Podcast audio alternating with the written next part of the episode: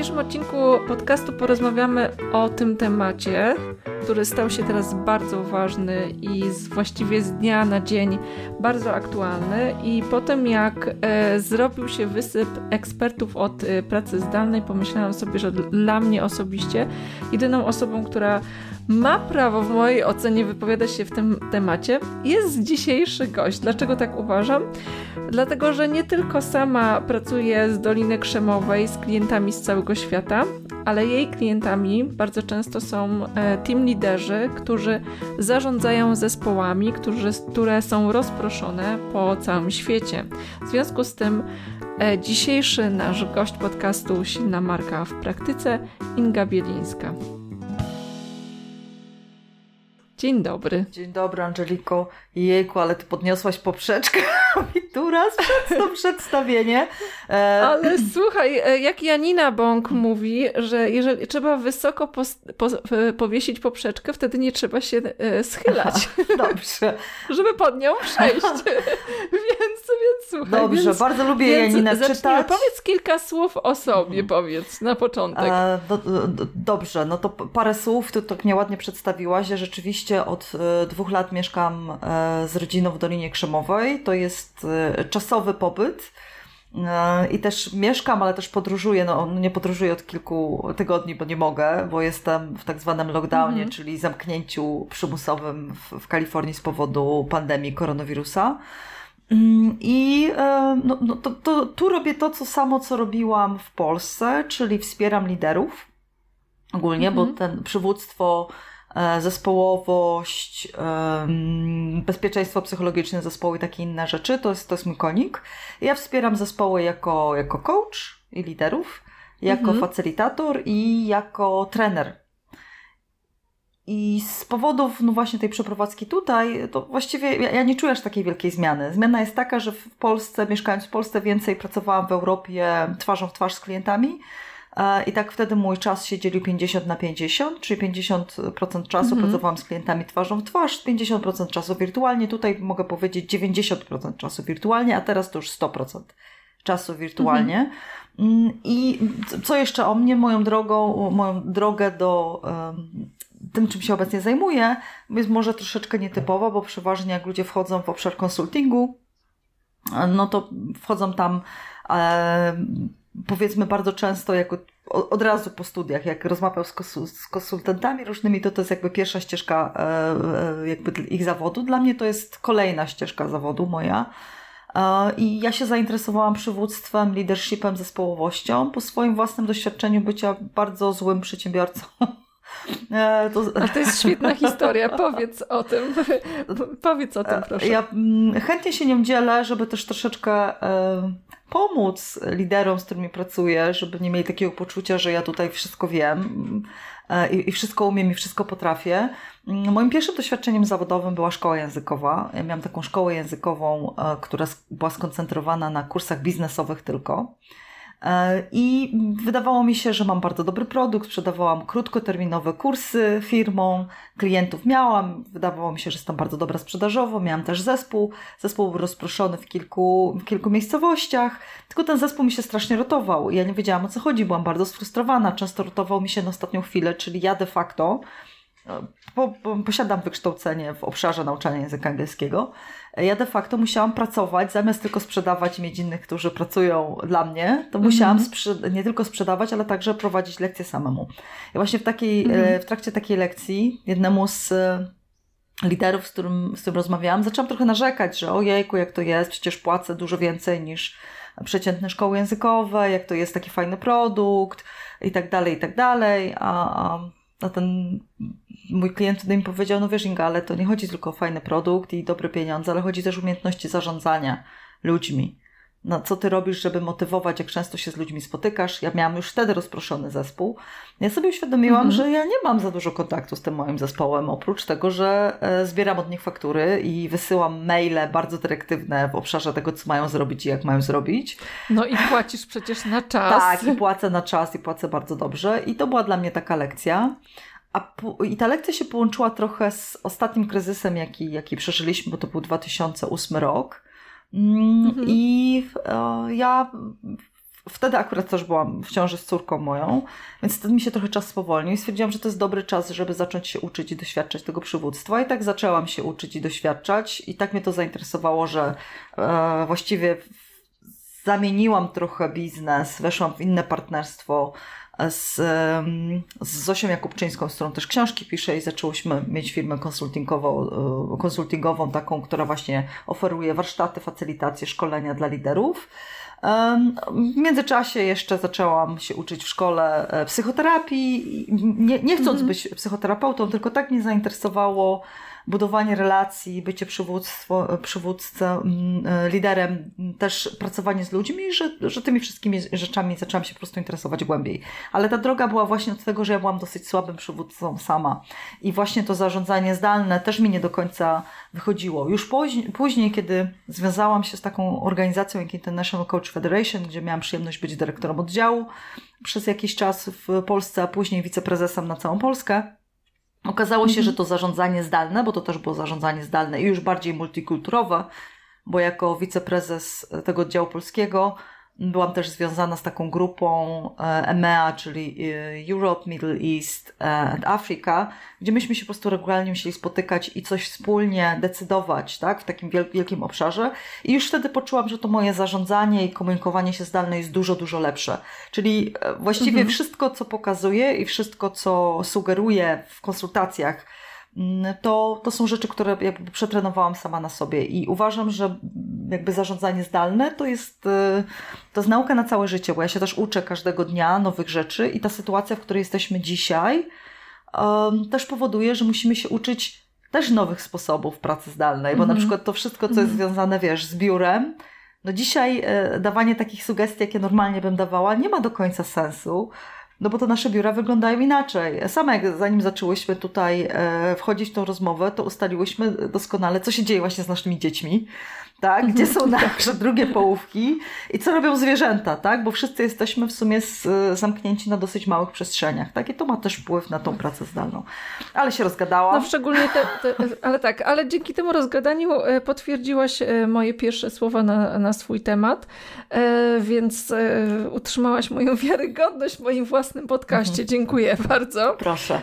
I teraz już wszyscy słuchacze wiedzą, że, że warto by było porozmawiać w aspekcie z pracy zdalnej w dwóch przynajmniej przestrzeniach. Mhm. W, e, w pierwszej przestrzeni e, związana jest z tym, kiedy to ja jestem e, liderem, właścicielem, liderem zespołu pracującym na etacie lub zatrudniam ludzi, współpracuję z ludźmi.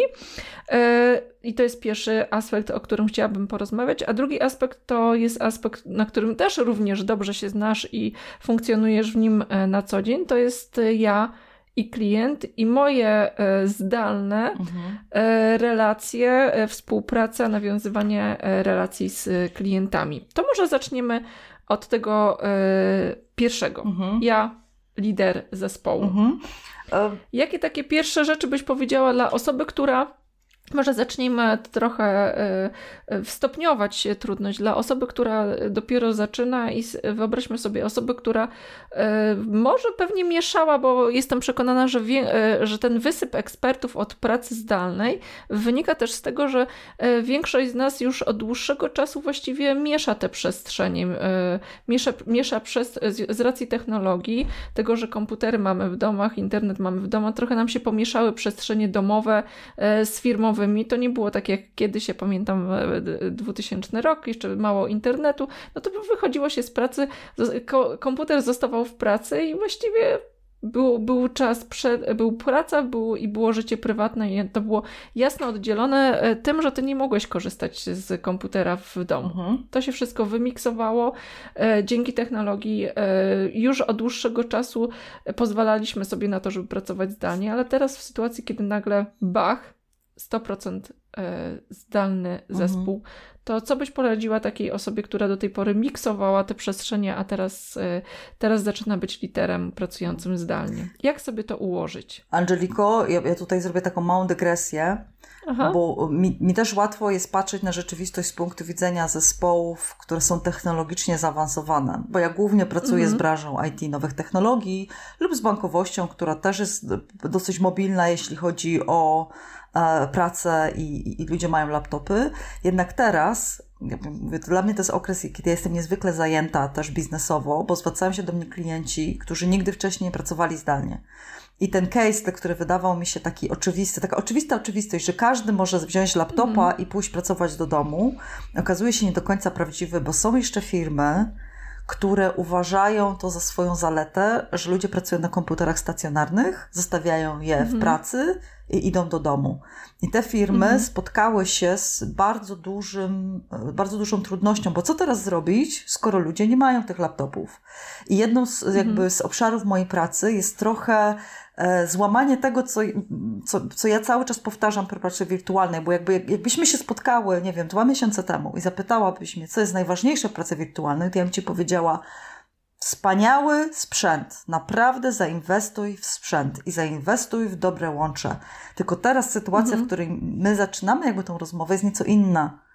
Ludzie muszą pracować z domu właściwie z dnia na dzień i nie mają tego wspaniałego sprzętu. Co więcej, ten sprzęt, ja się dowiaduję od moich klientów, że kamerki, które zazwyczaj na przykład sugerowałam, żeby kupować, bo wiem, że są dobre, a nie do końca drogie, teraz nagle poszybowała ich cena. No bo wiesz, rozumiesz, no okay. jest, jest zapotrzebowanie, to ktoś korzysta na tym zapotrzebowaniu, tym bardziej, że już kryzys się zaczyna dosyć duży. Więc dzisiaj wcale nie zaczęłabym od tego hasła wspaniały sprzęt i wspaniałe łącze internetowe, tylko bardziej zaczęłabym myśleć od tego, co ty możesz świetnego zrobić z tym sprzętem, który masz i z tą mhm. przestrzenią, którą masz i z tym łączem internetowym, które masz. I tu się zaczynają e, też rzeczy, które są wspaniałe, no bo się okazuje, że wszyscy w większości mamy smartfony. I mhm. tak jak można przeklinać te smartfony, że, że, że jakby są dla nas ciężarem, to one się właśnie do tej komunikacji zdalnej fantastycznie przydają. Tak? I, no tak. i to, jest, to, jest po prostu wykorzystaj sprzęt, który masz, zastanów się, jak on może ci pomóc. Co więcej, ja często na przykład otwieram moim klientom oczy, właśnie tym, którzy nie mieli tej technologii, a mają dzieci w wieku powiedzmy 12 wzwyż, żeby poszli do pokoju swojego dziecka i trochę pomyszkowali, bo się nagle okazuje, że to ich dziecko ma wspaniały sprzęt, bo na przykład mm-hmm. w jakiś, nie wiem, grywa w jakoś intensywnie w Minecrafta albo w różne inne rzeczy. Mm-hmm. Tak, moja, mm-hmm. na mhm. przykład moja córka, y, która tutaj regularnie pracuje na Chromebooku, bo taka, taki jest model edukacyjny w Stanach Zjednoczonych, że jest dużo pracy własnej, Pokazała mhm. mi parę takich rzeczy ciekawych, które ja teraz też wykorzystuję i sugeruję innym, bo one są, uwaga, uwaga, albo za darmo, co jest też ważne, bo ja teraz mogę mhm. wszystkim wymienić listę narzędzi fantastycznych do pracy zdalnej, które są kosztowne. I jakby. A wiadomo, przy dużej firmie, y, kiedy płaci się za użytkownika, to, to, to już są, się robią bardzo duże koszty. Dokładnie, to się zrobią duże koszty, to się zrobią. E, to się, to, to się w ogóle zrobi taka sytuacja, że ja nagle zostanę z listą rzeczy, które ja muszę mieć, żeby w ogóle zacząć pracować zdalnie. Więc odwróćmy to trochę, tak? Pomyszkuj, porozmawiaj mhm. ze swoim dzieckiem. Być może Twoje dziecko ma jakąś kamerkę, o której Ty nie do końca wiedziałeś, albo wiedziałeś, że ma, ale nie wiedziałeś, że jest przydatna. Negocjuj też z dzieckiem różne rzeczy, żeby, żebyś mógł z tego skorzystać. Ja wiem, że jest dokładnie, sądzę, że w Polsce jest dokładnie tak samo jak w Stanach, że jak my pracujemy, to dzieci mają lekcje. E, moja córka musi się łączyć wirtualnie ze szkołą swoją trzy razy e, dziennie. Oprócz tego jeszcze mhm. ma spotkania zdalne ze skautkami swoimi, e, koleżanki i tak dalej, ale ja, sądzę, że byłaby otwarta na jakieś negocjacje, że coś za coś, tak? Że tu mi coś pożyczy, mhm. że ja ci coś dam. I to jest, tak. to jest moja pierwsza myśl. Zastanów się, co ty w ogóle masz do dyspozycji. I... To jest dobra myśl, wiesz co, jakbym mogła tutaj jeszcze w, e, wtrącić jedną rzecz, ponieważ e, dwa odcinki temu mieliśmy wywiad z Piotrem Padalakiem e, z firm, z dyrektorem zarządzającym Liska mhm. i on opowiedział mi fenomenalną historię, mianowicie, że oni od jakichś ponad dwóch lat jako firma mają zamkniętą grupę na Facebooku wyłącznie dla pracowników. Mhm. Tych pracowników jest dwa tysiące. Ci pracownicy tam dobrowolnie wchodzili i to było takie miejsce, gdzie każdy mógł zadać pytanie, gdzie prowadzili totalną, totalnie otwartą komunikację, gdzie każdy widział swoją twarz, e, gdzie można było po prostu ze sobą się porozumieć, e, co oznacza, że nie trzeba mieć skomplikowanego jakiegoś systemu intranetu i nie wiadomo jak e, zaawansowanej technologii, żeby się ze sobą porozumieć. Mhm. Wystarczyło zrobić zamkniętą grupę na Facebooku, która z jednej strony udostępnia udostępniła, mm, umożliwiła komunikację właściwie w każdym momencie i też właśnie ze smartfona, a z drugiej strony co spowodowała? Spowodowała, że to stała się taka grupa otwartej komunikacji i budowania zaufania, y, no bo wiem z kim rozmawiam, jest to na forum, jest mhm. to otwarte. Mhm. To jest fantastyczna sugestia, Angelika. W ogóle wykorzystywanie e, tych aplikacji, narzędzi, które są już dostępne, w które my możemy wykorzystać do komunikacji. Możemy właśnie stworzyć zamknięte grupy. Tylko ważna jest uwaga taka, jeśli my chcemy, żeby ta komunikacja e, nam dobrze funkcjonowała, tak, wykorzystując już rzeczy takie otwarte, open source e, mhm. tule, to musi być ktoś, kto tym zarządza, czyli musimy dać komuś rolę, bo ja mogę zrobić grupę na Facebooku teraz pod tytułem e, na przykład życie towarzyskie, bo jeżeli myśmy się spotykali twarzą w twarz w biurze codziennie, to mieliśmy jakieś życie towarzyskie, to ja jednak muszę kogoś wybrać i komuś dać tą rolę, żeby on zarządzał tym życiem towarzyskim tam, żeby nagle się mm -hmm. nie mhm, pojawiły, mm -hmm. wiesz, jakieś komentarze nieadekwatne, żeby coś tam jakby nie, nie zaczęło źle funkcjonować, ale to zostawmy na bok, jak będziemy o tym właśnie rozmawiać, to y, o y, takim elemencie, wiesz, miękkim tej komunikacji, bo to też jest dosyć ważne. Mhm, czyli... Tak, a ja bym się jednak wróciła do tego, do, do tego rozpoczęcia pracy, tak, w ogóle zdalnej. No jesteś zmuszony mhm. zacząć pracować zdalnie, więc tak, zrób sobie rewizję tego sprzętu, jaką masz I też dla, na przykład dla firmy sugerowałabym, żeby ludzie dzielili się pomysłami na to, jak, jak co zrobić. Tak, że może się mhm. okazać, że jest na przykład głośno, ale mamy, nie wiem, no dużą garderobę, w której ja mogę siedzieć i, robić y, zdalne kole. Na przykład chociażby, nie? zdalne wideokonferencje. Następna rzecz jest bardzo ważna. Ja bym jednak ciągle podkreślała wagę widzenia siebie. Mhm. Kole, na których siebie nie widać, czyli robione z telefonu tylko i wyłącznie bez kamery, mhm. to jest coś niezwykle trudnego dla wszystkich uczestników. Raz, że lider, host takiego spotkania, gospodarz takiego spotkania nie do końca widzi, jaka jest uważność wszystkich osób naokoło, no to jeszcze, wiesz, trudno czytać, co się dzieje, bo często po twarzy widać, tak. co się dzieje. No i emo emocje, prawda? Mhm. I powiem Ci szczerze, ponieważ ja też jestem e, zmuszona teraz przenieść zajęcia akademickie na mhm. zdalną formułę razem z innymi moimi kolegami i koleżankami w takim dosyć dużym i ciekawym projekcie i, i ja tu właściwie dobrze się bawię w tym, strasznie mi się to podoba i dostajemy uwagi od studentów, od uczestników, że oni na przykład nie mają kamery. I ja wtedy mhm. wiem, że to jest wymówka, bo dzisiaj każdy ma kamerę w telefonie. Mhm. Tak? I, I wtedy zaczynamy rozmawiać, ok, to słuchajcie, opiszmy sobie, co to znaczy korzystać z tej kamery.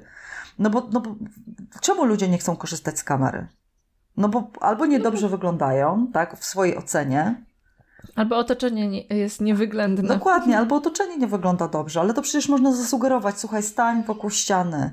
Albo mhm. jeżeli na przykład firma korzysta z płatnych jakichś narzędzi, nie wiem, Zoom, chociażby. Zoom oferuje, oczywiście dla komputerów, które mają dosyć dobrą kartę graficzną, tak? Że, że można w ogóle tło zmienić.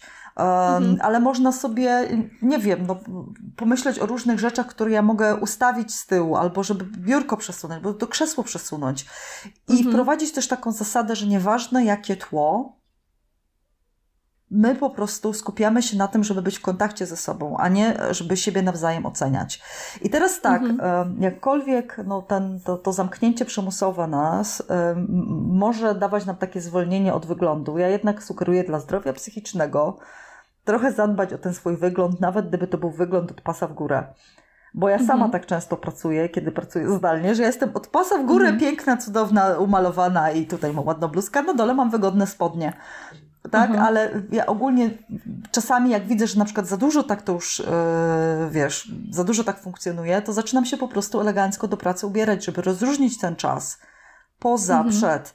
I jakkolwiek ja wiem, że na, młodsze generacje, bo ja jestem już w moich latach 40., czyli nie jestem digital, e, digital nomad, tak? Czyli nie jestem taką osobą, która się native, która się obudziła, już urodziła z tym E, cyfrowym jakby światem dookoła siebie i mogą się trochę śmiać z tego, bo też do pracy chodzą często ubrani bardzo mm, luźno, ale ja mówię to dla osób, które nie są przyzwyczajone do takiego mm, dress code'u, który jest, e, wiesz, bardzo, bardzo zrelaksowany. Czyli żeby mhm. jednak ciągle zadbać, ja chodzę do pracy i to chodzę do pracy, to się przebieram, to się ubieram jakoś inaczej, tak? Żeby mieć ten, ten taki element rozdzielenia. Wiesz co, po, powiedziałaś coś ciekawego, co uważam, że jest użyteczne też zupełnie prywatnie. Znaczy ja mam coś takiego, że kiedy mam e, zły dzień albo jakiś po prostu, nie wiem, serię złych dni z jakiegośkolwiek powodu, to zupełnie świadomie to jest czas, kiedy ja się e, elegancko ubieram. Znaczy, lepiej ubieram niż na co dzień, maluję się i wychodzę e, do, do mojego biura. Ja pracuję w coworku, tak jakbym szła na spotkanie z klientem. Dlaczego? Dlatego, że poprzez taki rytuał jakby próbuję sobie mentalnie ustawić kolejny cel, jakby być w takim jakimś takim ciągu działań, które będą mnie ciągnęły do góry, a nie w dół. Mhm. E, I nawet e, tam e, osoba, która ze mną pracuje, mówi: O, jak się dzisiaj wystroiłaś, chyba masz zły dzień, bo ona wie o tym moim rytuale. I czasem powidać, pominie tylko widać, że to jest jakby zły dzień, ale to jest taka takie moje, moja świadoma decyzja do tego, żeby, żeby po prostu jednak e, trzymać pewien pion e, i ciągnąć w górę, a nie w dół. Jak to ćwiczenie jest chyba z ołówkiem w buzi, prawda? Mhm żeby się uśmiechać po to, żeby, żeby nie zapomnieć, że się uśmiechasz. I tak, dla mnie to jest dokładnie jak mówisz, to jest pewien rodzaj rytuału, który oddziela życie osobiste od życia zawodowego, które nam się teraz tak przymusowo mocno zlało. I mówiąc to, mhm. E, my jesteśmy teraz, nie tylko nagrywamy, ale widzimy siebie i ja jestem w moich dresach, ponieważ u mnie jest szósta rano i ja jeszcze nie byłam biegać, tak, a robię to okay. bardzo wcześnie rano. Więc też, żeby jakby nie wprowadzać szaleństwa, żeby przestać troszeczkę, e, znaczy z jednej strony stworzyć te rytuały, ale żeby przestać się wstydzić też do końca tego, co jest naokoło nas, bo wszyscy jesteśmy teraz w dokładnie takiej samej sytuacji. Mhm, I wartość tak. jednak tego kontaktu w twarzą w twarz jest duża większa niż to poczucie, że o Boże, mnie teraz wszyscy ocenią, bo ja mam na przykład, nie wiem, spiętrzone za moimi plecami rolki papieru toaletowego, bo sobie zapasy zrobiłam i nie mam gdzie ich trzymać, Albo tylko w tym. Stos, stos rzeczy do prania i prasowania. Dokładnie, no, jesteśmy tylko i wyłącznie ludźmi, ale są proste sposoby, no, od, od technicznych, czyli wykorzystać na przykład narzędzie, które mamy i zobaczyć, czy ono oferuje jakieś rozmycie tła, albo w ogóle, że fotografię można e, podstawić pod takie sposoby, żeby stanąć przy ścianie, e, bardziej z tym telefonem, no bo skoro to jest jedyne narzędzie, które my mamy do tej konferencji, albo usiąść sobie gdzieś, albo właśnie, nie wiem, jak mamy tą garderobę, to zrobić w tej garderobie miejsce, albo wynegocjować jakąś przestrzeń z dzieckiem, powiedzieć, dzisiaj rozmawiam z pokoju mojego dziecka i, i to jeszcze da taki element small talku, bo jak się pokaże, jak to pokój tego dziecka wygląda z tymi mm. wszystkimi, wiesz, ubraniami, co na ziemi leżą, z rozwalonymi okay. zabawkami i tak dalej, bardzo Klockami. dużo innych osób w zespole może się tutaj poczuć e, podobnie i mamy ładny, ładny small small talk. I to jest, to jest mhm. następna rzecz, która jest bardzo ważna, tak? Czyli wykorzystuj sprzęt, jaki masz, zobacz, co w ogóle jest dostępne u Ciebie w domu. Ustalcie jednak zasadę, że kamera to jest must have, tak? Mhm. I nie słuchajmy troszkę do końca tych wymówek, że jej nie mamy, bo naprawdę mamy ją telefonach chociażby. I większość mhm. osób jednak ma jakiś komputer w domu, e, laptop, jak nie on, to dziecko i można po prostu korzystać z tego albo partner. Można próbować jakoś się wymieniać, ustawić sobie te godziny wymiany z innymi mhm. osobami, bo przecież my też tych telekonferencji zdalnych nie robimy 8 godzin na dobę, nie? żeby też nie popadać tak. w szaleństwo, że my teraz 8 godzin musimy być na łączu, żebyśmy wszyscy widzieli, co robimy nawzajem. I jest jeszcze jeden aspekt, który strasznie zadziwia jakby ludzi, jak ja, kiedy ja o tym zaczynam mówić, e, bo myślą, że to jest forma kontrolowania, ale z mojej perspektywy jest to forma też dbania trochę o siebie. Wszystkie dane i badania pokazują, że jak ktoś pracuje zdalnie, to pracuje zdecydowanie więcej niż jak pracuje mhm. w biurze. Dlaczego? Bo ma tendencję do poczucia winy, że robi mniej, ma tendencję do nierobienia sobie przerw, ma tendencję mhm. też do, że jakby ten rytm, który w pracy jest e, taki wyznaczany innymi osobami, to, to, to on po prostu jakby tego rytmu nie ma naokoło, więc ja nie wiem, kiedy mhm. zaczynam, a kiedy nie zaczynam. Ponieważ ja pracuję zdalnie, pracuję w różnych strefach czasowych, to jestem bardzo dbam o to, żeby ten czas pracy swój nie przekraczał jednak tych 8 godzin dziennie, tak? To jest moja, moja zasada. Mhm. Ja na przykład wiedząc, że teraz mam bardzo dużo pracy takiej ogólnie z klientami, i nie jestem w stanie prowadzić tego swojego życia e, takiego w mediach społecznościowych, no to ja na początku jakby pandemii i tego e, lockdownu dałam komunikat na LinkedInie, że ja teraz chwilę jestem nieobecna tutaj. I rzeczywiście tak, nie spędzam tam czasu, bo po prostu fizycznie nie mogę tego zrobić, żeby nie, nie zaburzyć tego mojego rytmu biologicznego też, ale mhm. mi się wydaje, że my teraz jesteśmy też bardzo potrzebni naszym rodzinom. Mhm. Bo oni też przechodzą e, stres, więc te takie małe rytuały rodzinne są też niezwykle ważne. Więc co ja sugeruję? Od analog... Plus to, że uważam, że też chyba powinniśmy trochę więcej spać, nie? Mhm. Żeby ten stres y, Dokładnie. odreagować i dać sobie komfort y, odpoczyn odpoczynku. Dokładnie. Y, I, I zgadzam się 100%. Czy, czy to jest moment, w którym chcesz powiedzieć o rytuałach? Bo to dla mnie tak naturalnie zabrzmiało, dlatego że ja pamiętam ten szok, kiedy przeszłam z pracy w korporacji. Znaczy, ja miałam miękkie przejście, mhm. bo ja pracując w korporacji najpierw pracowałam tak codziennie w biurze, później pracowałam w terenie, bo pracowałam w sprzedaży, więc ten, ta praca była taka totalnie związana z tym, jak byłam umówiona z klientami, a później pracowałam dwa dni z domu, a trzy dni z biura. I pamiętam, E, na początku to było bardzo trudne, bo rzeczywiście biuro żyje swoim rytmem, czyli przyjeżdżasz, odbijasz kartę i, i co robisz? Idziesz na kawę, pogadać z ludźmi, tak? Później siadasz, odpalasz maile, ogarniasz bieżączki, no i jest z reguły albo ktoś wpadnie do ciebie, masz jakieś spotkanie, później pora lunchu, po lunchu już powoli wyciszasz i, i wracasz. Mhm. A jakie rytuały w pracy zdalnej, żeby właśnie nie dać się w pewien sposób, e, że tak powiem, zajechać mhm. i być cały czas w pracy mhm. i zabrać o ten, o, o ten, komfort i e, odpoczynek, szczególnie teraz? No. Połączę rytuały z, z, z, tym, z tym liczeniem, właściwie dbaniem o to, żeby nie zaburzyć swojego rytmu. Super. Dla mnie bardzo mhm. ważne jest, żeby świadomie o tym mówić. Ja mówię liderom, żeby to wprowadzali w jakiś kontrakt współpracy, żeby o tym głośno mówili, żeby ludzie zaczęli liczyć swoją pracę. I liderzy wtedy mhm. mają taki opór, o, będą myśleli, że ja chcę ich kontrolować. No nie, bo to nie jest żaden software, który sugeruje, sugeruje że firma zakłada komuś na komputer i sprawdza odgórnie, ile ta osoba pracuje. Ile tam klepał, tak, Dokładnie. Tak, te kody. Tylko mhm. dla zdrowia psychicznego pracownika. Jest bardzo proste, e, darmowe narzędzie na internecie, nazywa się Clockify i po prostu wprowadza się tam, zaczyna się kliknąć, ok, zaczynam pracować nad tym i ja widzę, ile pracuję nad różnymi rzeczami i widzę, mm -hmm. czy mhm. przekroczyłam mm -hmm. już to 8 godzin, czy nie. Nie trzeba też aplikacji internetowej do tego używać. Przecież o, możemy super. kartkę papieru wziąć. Ja sobie na przykład um, bardzo prosto pracuję blokami 30-minutowymi mm -hmm. i sobie mm -hmm. tworzę 8, znaczy w takim zeszyciku mam po prostu przygotowane 8 godzin podzielone na jednostki 30-minutowe i skreślam sobie, żeby zobaczyć, jak to wygląda tak? Ja, ja Clockify używam, żeby widzieć, jak, jak charge'ować klientów za pracę dla nich, tak? Bo mi to pomaga. To jest świetna wskazówka, e, użyteczna też biznesowo. Ja z kolei na przykład e, pracę, e, jeżeli, bo ja mam dwie osoby, które współpracują ze mną i ja ich e, jakby rozliczamy się za czas, natomiast ja proszę ich, żeby oni mi pisali, ile e, zadania, e, poszczególne mhm. zadania zajmują i czasu. Ale nie po to, żeby powiedzieć im później, o, dlaczego tak długo pracowałeś nad tym zadaniem, ale raczej, ponieważ też obsługujemy klientów, żeby wiedzieć później, ile ja muszę zcharge'ować mojego klienta, który podzleca mi zadania, które wykonuje ktoś pracując mhm. dla mnie. Ja wtedy wiem e, i też wiem, jak, jak mocno mogę kogoś obciążyć i na ile to moje oczekiwania są realne i na ile, e, jaką mam marżę e, oferując coś klientom. I to jest bardzo, bardzo praktyczne.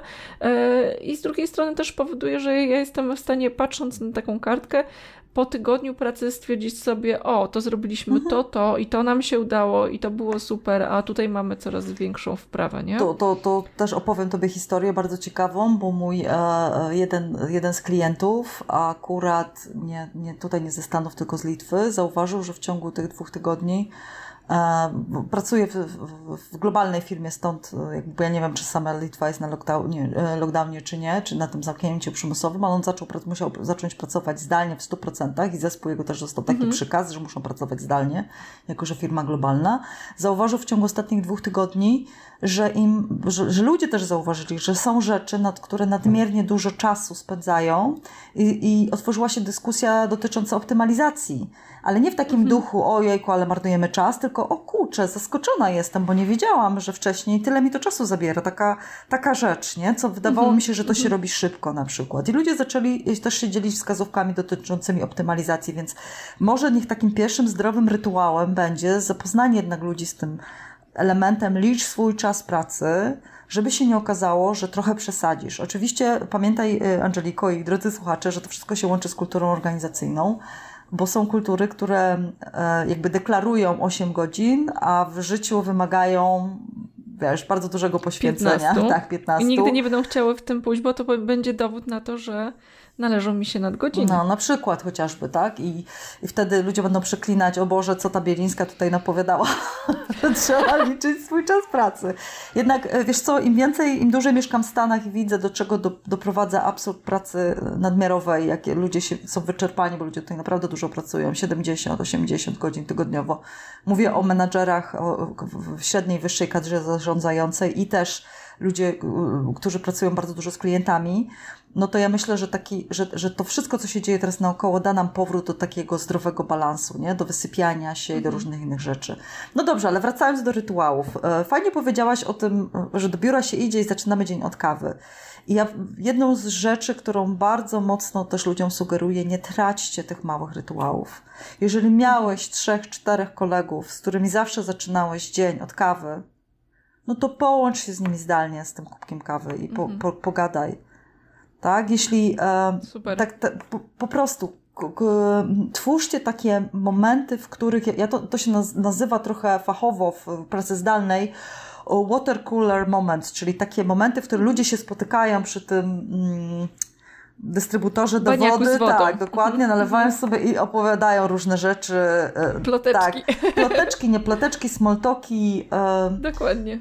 I teraz ja bardzo często pokazuję też liderom, jaka rola jest leadershipu w tym, że to lider dobrze, żeby włączył element prywatny do rozmów, żeby nie zaczynać od razu kola, na przykład tego się robi z ludźmi, kiedy oni nigdy nie pracowali w, w takim setupie zdalnym, żeby zacząć mhm. tego, jak się macie, co słychać, jak sobie radzić, żeby jednak dać sobie w agendzie nawet przyzwolenie na to 10-15 minut, mhm pogadania o trochę o niczym, bo to będzie bardzo mocno wiążące, bo ci ludzie są przyzwyczajeni. Jeśli ktoś nie pracował nigdy zdalnie, to jest przyzwyczajony do takich interakcji, jakieś z kolegami, z koleżankami w biurze robi.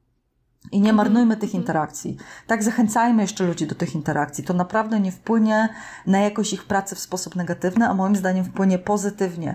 Przecież bardzo często w tych takich interakcjach, yy, które się odbywały twarzą w twarz, nie wiem, no w firmach IT dużo też yy, chłopaki, akurat tutaj powiem genderowo, grają, nie wiem, na PlayStation wspólnie albo w jakieś piłkarzyki. Tam różne takie interakcje były kto, związane z grami. To, to teraz też można to robić online. Czemu nie? Czemu nie, mm-hmm, nie kultywować mm-hmm. tych relacji z pracy, a nawet lider dobrze, żeby zachęcał do kultywowania tych relacji z pracy, bo one spowodują, że też zdrowie psychiczne członków zespołu będzie, e, będzie na dobrym poziomie. No jak będą psychicznie, wiesz, mamy tyle stresów teraz naokoło, że po, mhm. co, po co jeszcze dodawać do tej izolacji, tak? Że my się naprawdę wtedy poczujemy, że jesteśmy e, e, jakby poza innymi.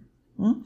Więc dwie rzeczy. Liczenie godzin, pracy mhm. jako taki rytuał nowy, który, żeby rzeczywiście zobaczyć, czy ja nie przesadzam trochę z tą pracą e, w domu, albo być może no, nie doszacowuję też, bo też się może okazać, że ja nie doszacowuję.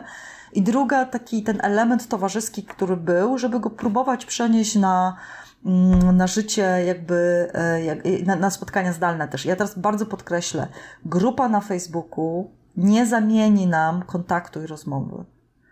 Czy mhm. lepiej zachęcać ludzi do tego, żeby może do siebie zadzwonili, może właśnie zrobili jakąś małą telekonferencję, ale to też powoduje, że firma, jeżeli ma jakieś narzędzie, które używa narzędzie płatnie, żeby się też podzieliła z pracownikami, kodami do tego narzędzia chociażby, tak? Żeby pracownicy, jeżeli nie tylko lider ma kody i ustawia spotkania, ale żeby na przykład wysyłał, ok, tutaj słuchajcie, jak ktoś chce sobie tam śniadanie razem zjeść, czy kawę właśnie wypić, czy może lunch razem zjeść, czy nie wiadomo co jeszcze, to macie tutaj e, zasób, że możecie się dzwonić i porozmawiać na ten temat.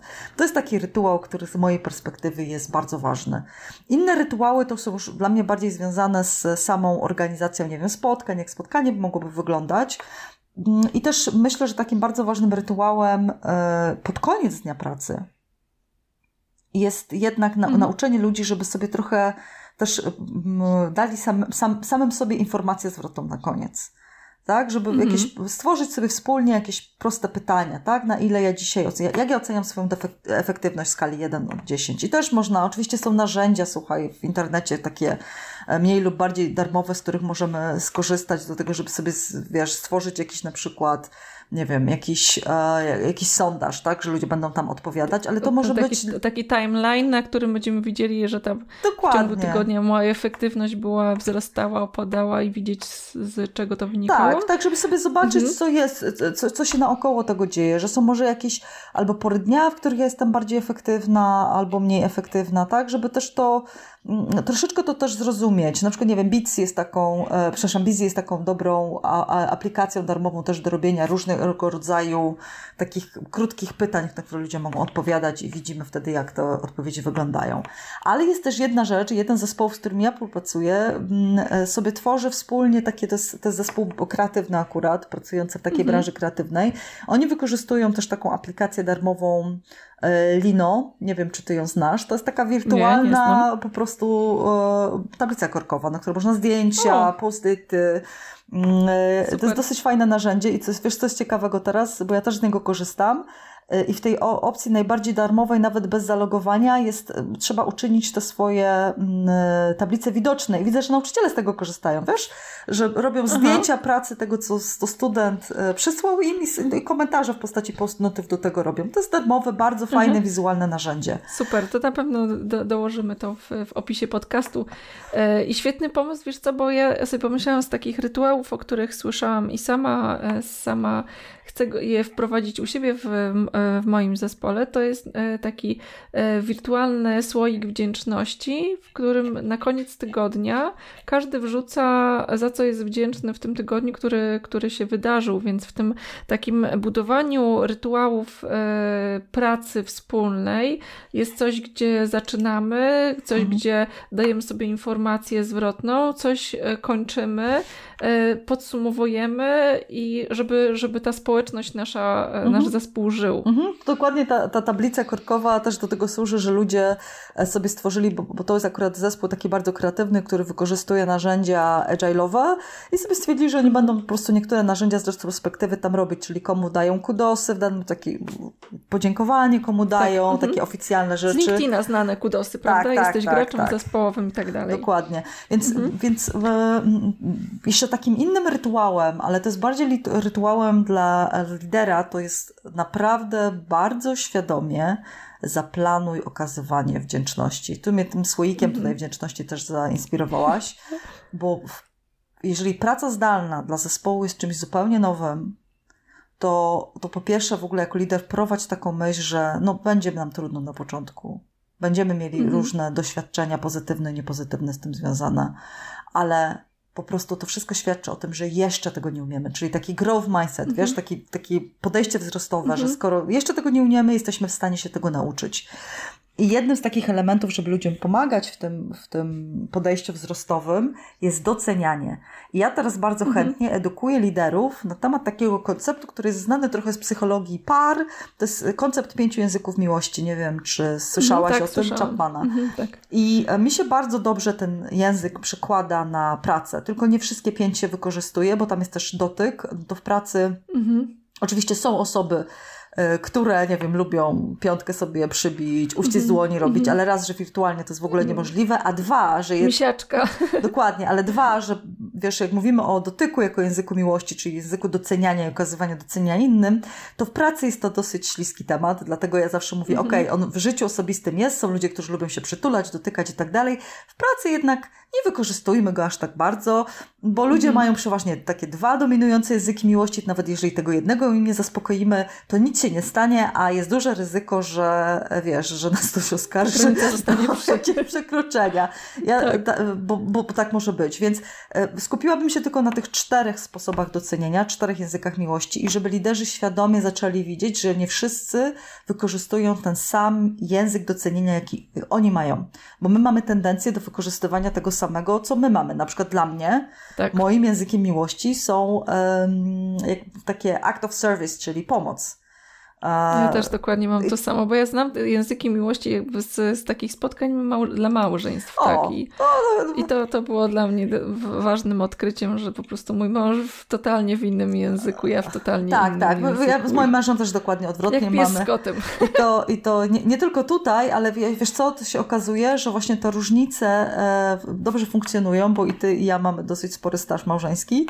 E, tak. Różnice funkcjonują, a co więcej, one dodają też jakości, więc ten mindset, takie podejście można też liderom pokazywać, powiedzieć, zobacz, Aha. to, że ludzie są inni od ciebie, to nie znaczy, że jest gorzej, tylko że jest nawet lepiej, bo ty możesz, wiesz, się wiele od nich nauczyć, wiele zobaczyć, ale twoją rolą jako lidera jest po prostu korzystać z wszystkich zasobów. I ja może tutaj tak e, opowiem troszkę o tym, bo to może być rzecz nowa Aha. dla liderów. Ja widzę też, że liderzy często mają z tym um, no, problem, bym powiedziała, tak? Doceniają ja, ciągle ja w ten sam sposób. Chciałam jeszcze dodać, że mhm. Ja chciałabym tylko jeszcze dodać, że w kontekście tym, jak pies z kotem, bardziej mi chodziło o to, że, e, że nie żyjemy jak pies z kotem, tylko że język kota i język psa jest totalnie inny. Mhm. Jak, jak kot merda e, ogonem, to jest objaw tego, że on za chwilę zaatakuje, czuje się zagrożony. Mhm. I jak pies merda ogonem, to e, merda przyjaźnie do tego, żeby, żeby zachęcić do interakcji. Stąd pies z kotem nie, totalnie nie potrafią się dogadać, bo dla nich ten sam sam akt oznacza dwa mhm. różne,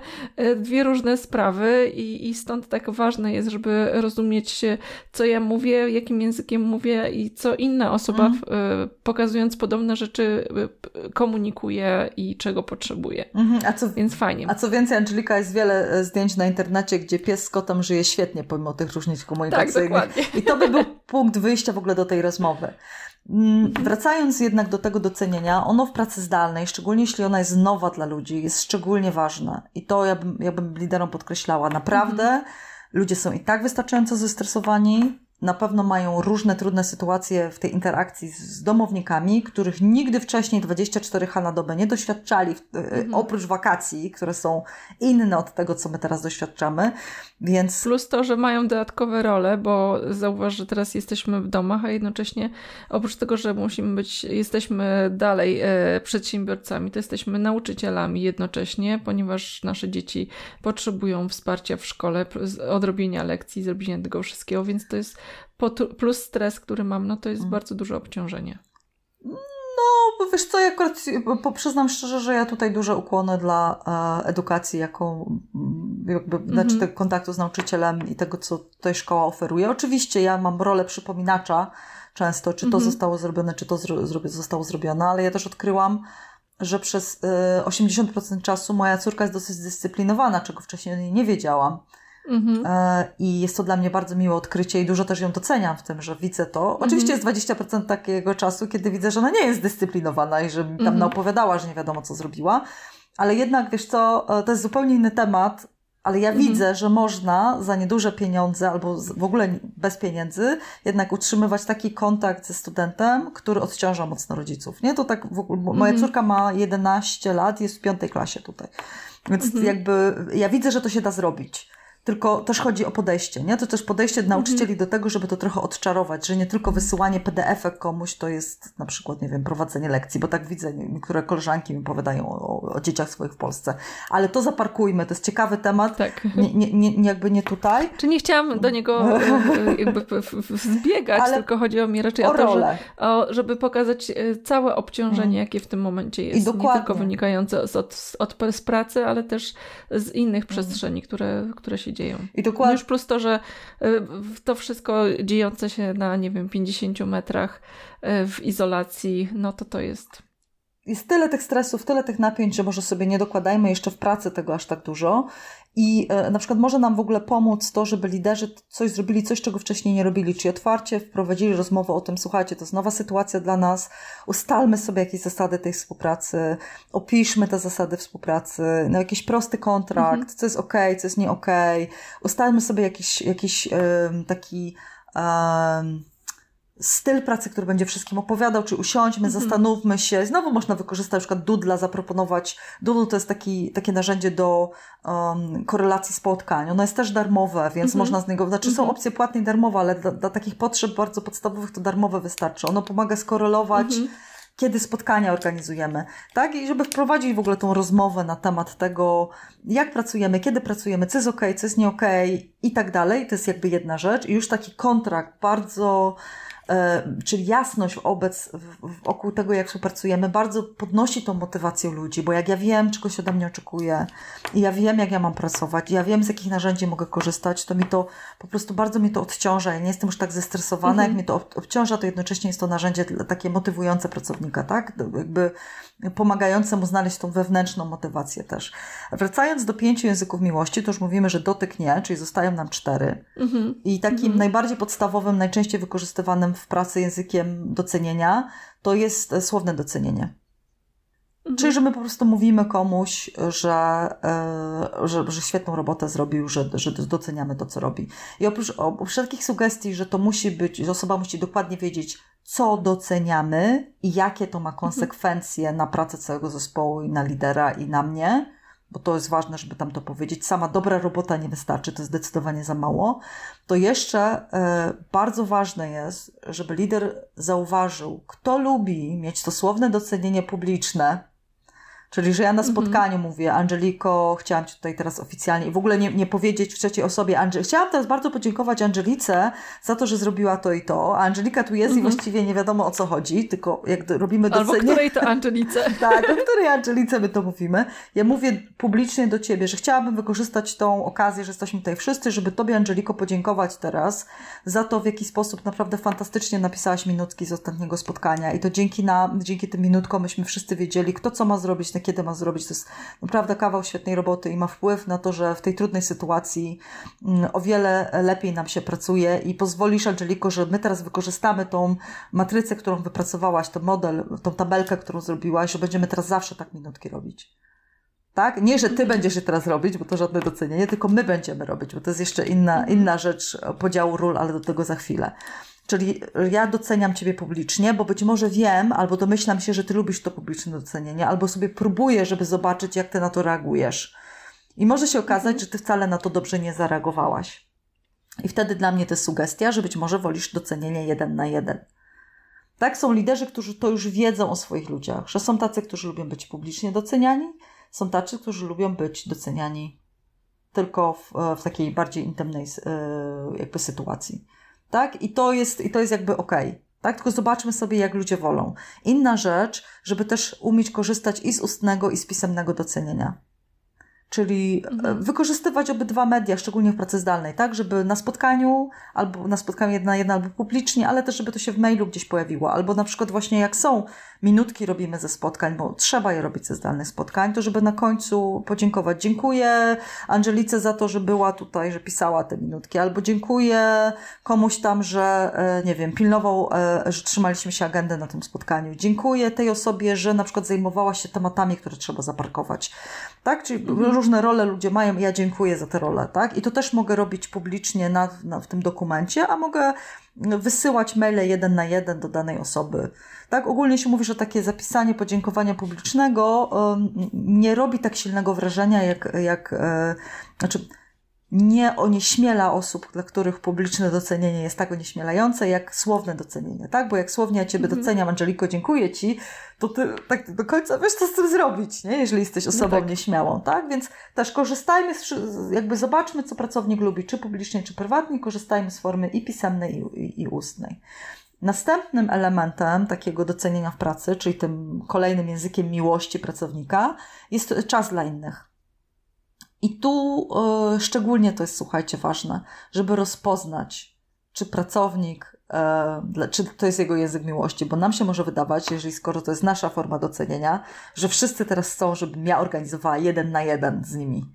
Mhm. Ale właśnie z tymi różnymi rolami, które pracownicy teraz mają, wynikające z życia rodzinnego. Na przykład wyobraź sobie, że była rodzina, która dotychczas wszyscy jedli obiady w tygodniu poza domem tak? To znaczy mhm. rodzice jedli w pracy, dzieci jedli w szkole na stołówce.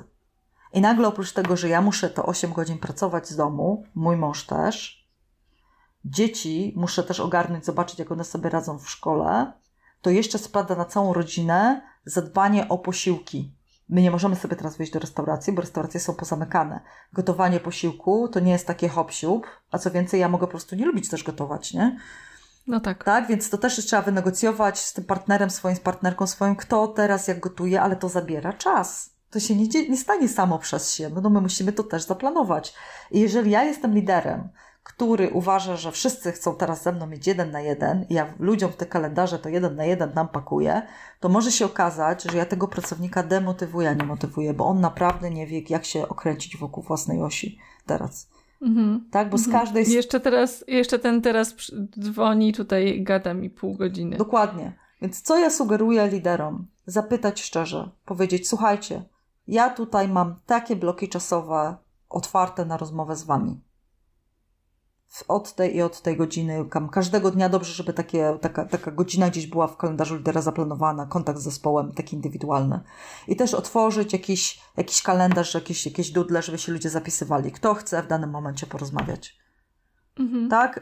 I, I, powiedzieć, to jest czas na rozmowę nie tylko o tym, co mamy zrobić, ale też, żeby porozmawiać o tych waszych obawach, albo o waszych frustracjach, albo o niepewnościach, żeby też coś wyklaryfikować, żeby coś dopowiedzieć. Ja jestem wtedy dostępna dla was.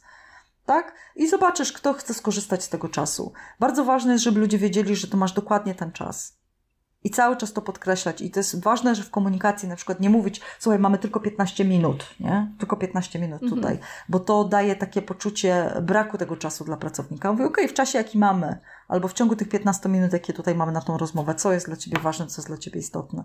I pilnować tego czasu. To jest w ogóle też clue na wszelkie spotkania. Pilnować czasu, nie przedłużać. Jak się na coś umawialiśmy, że to ma tyle trwać, to ma tyle trwać. Najwyżej nie zrealizujemy wszystkich punktów agendy i dla nas to jest nauka na przyszłość, żeby nie przesadzać z ilością punktów w agendzie. Kropka. Mhm. Tak? Czyli, czyli ten czas. Sprawdzaj sobie, kto go potrzebuje przez organizowanie takich slotów w ciągu dnia dla ludzi i, i, i też, żeby się zapisywali, nie żeby było, że konkurują, tylko że widzą na przykład, że mhm. okej, okay, ten czas już wzięła, nie wiem, Zofia, no to ten czas wziął Jan, no to dla mnie tutaj będzie ten czas na przykład. Inna rzecz to są prezenty i niespodzianki i takie nagrody w pracy. To jest ten kolejny język miłości. I się zastanówmy teraz, e, szczególnie w pracy, gdzie tych nagród różnych małych było wiele, na przykład, nie wiem, było owoce do posiłku, był gdzieś darmowy lunch, były jakieś, jakieś wiesz, tu pączki, tu jakaś karta do czegoś. Jak teraz mhm. zastanowić się, jak to przetłumaczyć na pracę zdalną? Normalnie, wiesz, dla mnie to też jest zupełnie nowa rzecz, bo teraz wszyscy są przymusowo zdalnie. Nawet nie możesz komuś, nie wiem, dać karty do kina, żeby sobie poszedł do kina, bo on nie pójdzie do tego kina, więc ja razem z liderami szukam takich nagród i, i sposobów, które naprawdę będą nagrodami i będą niespodziankami dla pracowników w czasie, kiedy oni są w domu. Mhm. Tak? Żeby, żeby... No i co wymyśliliście? Ja mam jeden pomysł, ale Wiesz co, jestem, wiesz co, co powiem Ci szczerze, e, jeden, jeden z pracowników wymyślał dostępy do, to się chyba nazywa streamer, e, do takiej platformy -hmm. do grania, nie? że to jest, e, okay. że, że, ludzie mogą sobie grać w, w, różne gry na przykład. Ktoś inny w, w, w Stanach zasponsorował pracownikowi przez tydzień Ubera Ita, nie? Że, mhm. że, że dowozi jedzenie komuś. No ludzie wymyślają różne rzeczy, które wiążą się z tym, co możemy teraz mieć osiągalne. Jaki ty masz pomysł, Angeliko? Bo też jestem ciekawa. Ja myślałam o książkach. E, o książkach. Mhm. Tak, o Amazonie, jakichś kartach, kartach do zrealizowania E, właśnie w, albo o kartach do zrealizowania w jakimś tam wirtualnym sklepie, mhm. tak? To... E, równie dobrze, zobacz, nagrodą mogłaby być, mógłby być godzinny coaching z Ingą. Na przykład. To, wiesz co, paradoksalnie tak, dużo, który... dużo organizacji dają teraz wsparcia nie tylko coachingowego, ale także psychologicznego pracownikom. Mhm. I to jest jeszcze Więc inna jest... rzecz tym prezentem i niespodzianką dla pracowników mogą być właśnie konsultacje psychologiczne. I nie zapominajmy o mhm. tym, że, mhm. że to, jest, to jest bardzo potrzebne dzisiaj, tak? Że nie tylko tak. wynikające z tego stresu wynikającego z pracy, ale ludzie mogą doświadczać różnych trudności, na przykład ze swoimi partnerami w domu, których tyle nie widzieli. Tak, ja, ba ja, bardzo często moi klienci, ja z nimi pracuję nad przywództwem, a oni nagle mi mówią, że im się oczy otwierają na męża albo żonę, bo nie wiedzieli, że to taka osoba jest, bo wiesz, słyszą, jak ta druga osoba też pracuje z domu, jak, jak się zachowuje, jak komentuje, jak rozmawia. Mi na przykład, Aha. ja mam taki, y, teraz mój mąż też prowadzi swoje te konferencje z domu i ja e, zaczynam już pałać sympatią albo brakiem sympatii do co niektórych pracowników, no bo chcąc, nie chcąc, dzielimy się przestrzenią i no oboje tak, korzy korzystamy. Ja mam taki web ramp na krzesło e, najczęściej, czyli takie coś, mhm. co mi zakrywa tło. Mój mąż korzysta, ma lepszą kartę graficzną w komputerze, z tego w um, zmiany obrazu w Zoomie, że po prostu okay, ma ze sobą aha. piękne zdjęcie z Joshua Tree Parku. E, okay. I, mogę czasami tup-tup sobie swobodnie przejść i jakąś herbatę szybko zrobić i, i umknąć. I nikt nie widzi. Dokładnie, nikt nie widzi, ale czasami... A nie musisz przebierać się za, za misia jogi. Nie, nie muszę tutaj, bo mnie nikt po prostu nie widzi, ale też oczywiście e, dbamy o to, żeby, żeby tą dyskrecję zapewniać sobie nawzajem. Ja jak mam sesję, to się dokładnie przeklucza. Właśnie wiemy o tym, które spotkania są takie, gdzie absolutnie nikt nie może słyszeć i wtedy ta osoba ma, bo ja mam home office, nie? To ta osoba mhm. ma miejsce w home office, ale to też pokazuje negocjacje między nami. Że nie tylko teraz mhm. to jest mój home office, moje biureczko, więc kochani, tu musisz się do mnie dostosować, ale ja też rozumiem, że on ma takie rozmowy, których no, nikt nie może słyszeć i on potrzebuje intymności i ciszy i wtedy mu oddaje mhm. to moje biuro, a ja sobie reorganizuję trochę czas pracy. Więc te e, prezenty niespodzianki mogą być tutaj, wracając do tego, bardzo, bardzo różne, tylko ważne jest, żeby one rzeczywiście odpowiadały tej osobie, bo jeśli ja na przykład wiem, że mój pracownik jest na, mm, nie wiem, na jakiejś specjalnej diecie, tak, a ja mu teraz zaoferuję, że, że nie wiem, będzie miał dostawy pizzy, mhm. codziennie, no to to jest słaba niespodzianka. Kiedy ja na przykład zaoferuję mojemu pracownikowi kartę do tam Amazona, żeby sobie jakąś książkę kupił, a się okazuje, że on w ogóle no właśnie nie ma czasu, żeby się wrócić wokół swojej osi. Co więcej, nie przepada za czytaniem, to też jest okej. Okay. No to, to, to może nie do końca jest dobra nagroda, więc też jest, są takie osoby, których każda nagroda jest dla nich fajna, ale są takie osoby, które e, lubią, żeby ta nagroda była dopasowana do ich preferencji. Więc też tutaj liderzy, no kreatywność jest wymagana od ciebie, ale też polecam zawsze wtedy liderom, żeby trochę się dzielili pomysłami. No nie jesteś jeden mhm. sam w tej firmie z takim samym problemem, tak? Masz innych kolegów i koleżanki tutaj naokoło. E, może się na przykład okazać, i to jest też pomysł, e, który okazał się w jednej firmie najlepszą nagrodą, że na przykład dany pracownik dostawał tak zwany dzień bez przymusu komunikacyjnego. Mhm. Czyli ma na przykład dzień, pracujesz sobie konceptualnie, ty ciągle pracujesz nad swoją pracą, bo widzimy efekty Twojej pracy, jednak nie, nie musisz właśnie uczestniczyć w wielu rzeczach tutaj, nie musisz się wdzwaniać, nie musisz czegoś robić. Tak, okazuje się, że to nie, nie zawsze działa, nie zawsze funkcjonuje, ale są pracownicy, szczególnie w branżach kreatywnych, którzy sobie to cenią, że mają taki mhm. wiesz, czas konceptualny dla siebie gdzieś.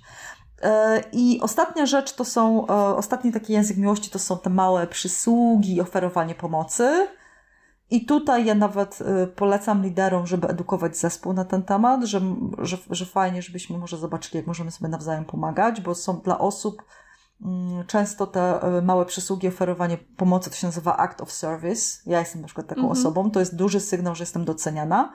Tylko też żeby to też było dosyć precyzyjnie zrobione, to znaczy powiedzieć dokładnie, słuchaj, mam 30 minut, ja mogę z 30 minut z Tobą przejść na przykład przez ten tool nowy do robienia wideokonferencji i ja Ci tu chętnie pomogę, mhm. opowiem Ci krok po kroku, jak się to używa, ale mam dokładnie 30 minut i prawdopodobnie w, w ciągu tych 30 minut wszystkiego nie omówimy. Czy to nadal jest dla Ciebie ok? Tak, ja wtedy mhm. sygnał słyszę, tak, to jest ok, chociaż trochę mi pomożesz, to jest fajnie. Bo najgorzej jest, jak ja powiem Tobie, że na przykład, nie wiem, pomogę Tobie w opracowaniu tego Excela, a po 20 minutach ci powiem, że ja już muszę kończyć i ty właściwie zostajesz z tą robotą. Zostajesz z rozgrzebanym. I, i, i czujesz, że to jakby nie jest dla mnie ok.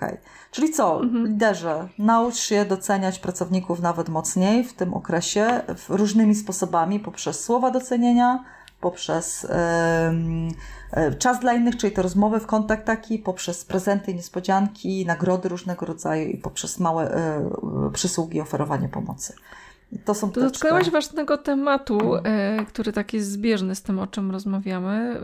E, te, ten język e, miłości, e, te czte, pięć języków miłości w pracy cztery, e, to taki aspekt dotykający ważnej kwestii motywowania versus kontroli. Mhm. Bo e, o ile w, w pracy w biurze zawsze byliśmy w stanie podejść szybko, porozmawiać, zrobić taki szyb, szybki checking i zobaczyć, w którym miejscu jesteśmy, no to jak, jak, jak balansować, jak realizować w takiej pracy zdalnej tego typu rzeczy? No właśnie. To jest, to, jest, to jest właśnie ciekawa rzecz, bo liderzy, którzy już są przyzwyczajeni do pracy zdalnej, mają tą świadomość, a liderzy, którzy nigdy wcześniej tego nie, e, nie doświadczali, mogą ulec takiemu zniekształceniu poznawczemu, który ja nazywam w dużym uproszczeniu, istnieje tylko to, co widzę.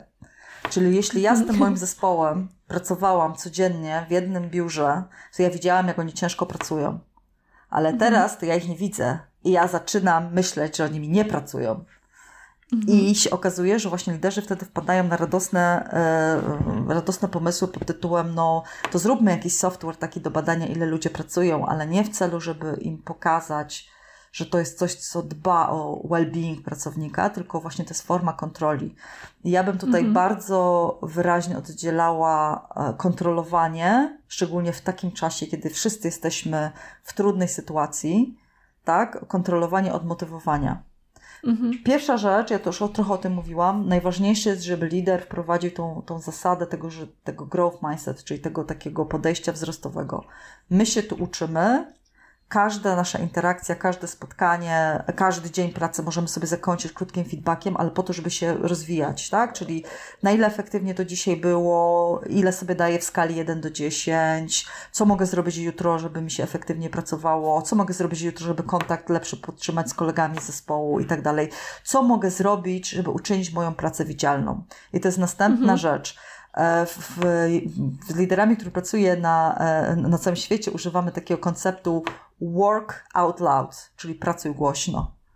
Mhm. Lider dobrze, żeby wyedukował. No czasem rzeczywiście, jak tam stukasz w tej Dolinie Krzemowej w klawiaturę, to aż w Polsce słychać. Właśnie to chodzi może mniej o robienie realnego hałasu, tylko o tworzenie swojej widoczności.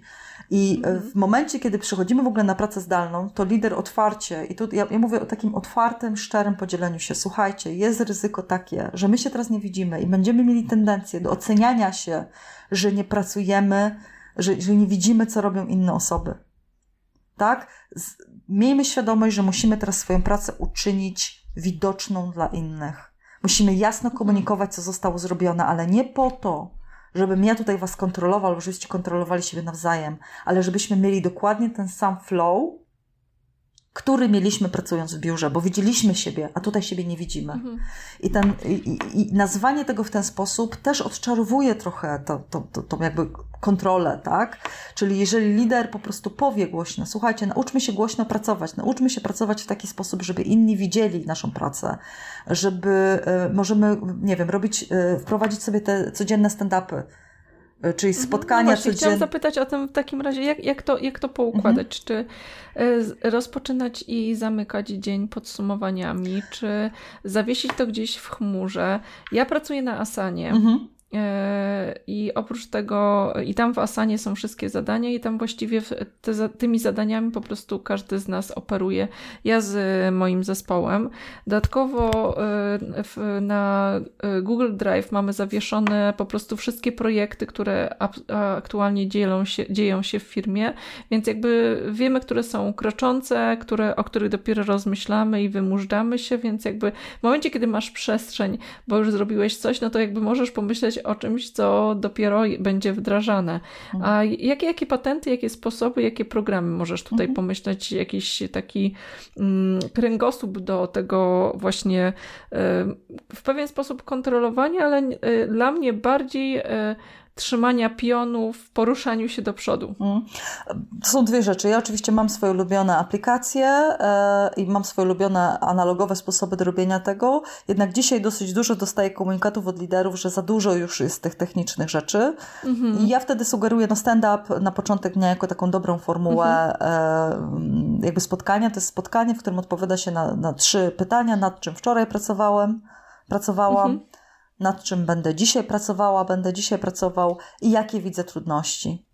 Tak, przed sobą. Mm. I teraz bardzo ważne w takim stand-upie jest dyscyplina, aby nie odpowiadać sobie na te pytania, nie rozwiązywać tych trudności, tylko żeby na przykład, nie wiem, ja mówię, jaką mam trudność, Angelika mówi, ja wiem, co z tym zrobić, i my sobie potem same o tym porozmawiamy, a nie, że wszyscy o tym dyskutujemy na temat rozwiązania tych, tych trudności. To jest tylko po to, żebyśmy wiedzieli, co się dzieje, tak? I po kolei mhm. każdy odpowiada na te trzy pytania, nie? Czyli rolą właściwie hosta, rolą lidera takiego spotkania jest dbanie o to, żeby każdy odpowiedział na te trzy pytania.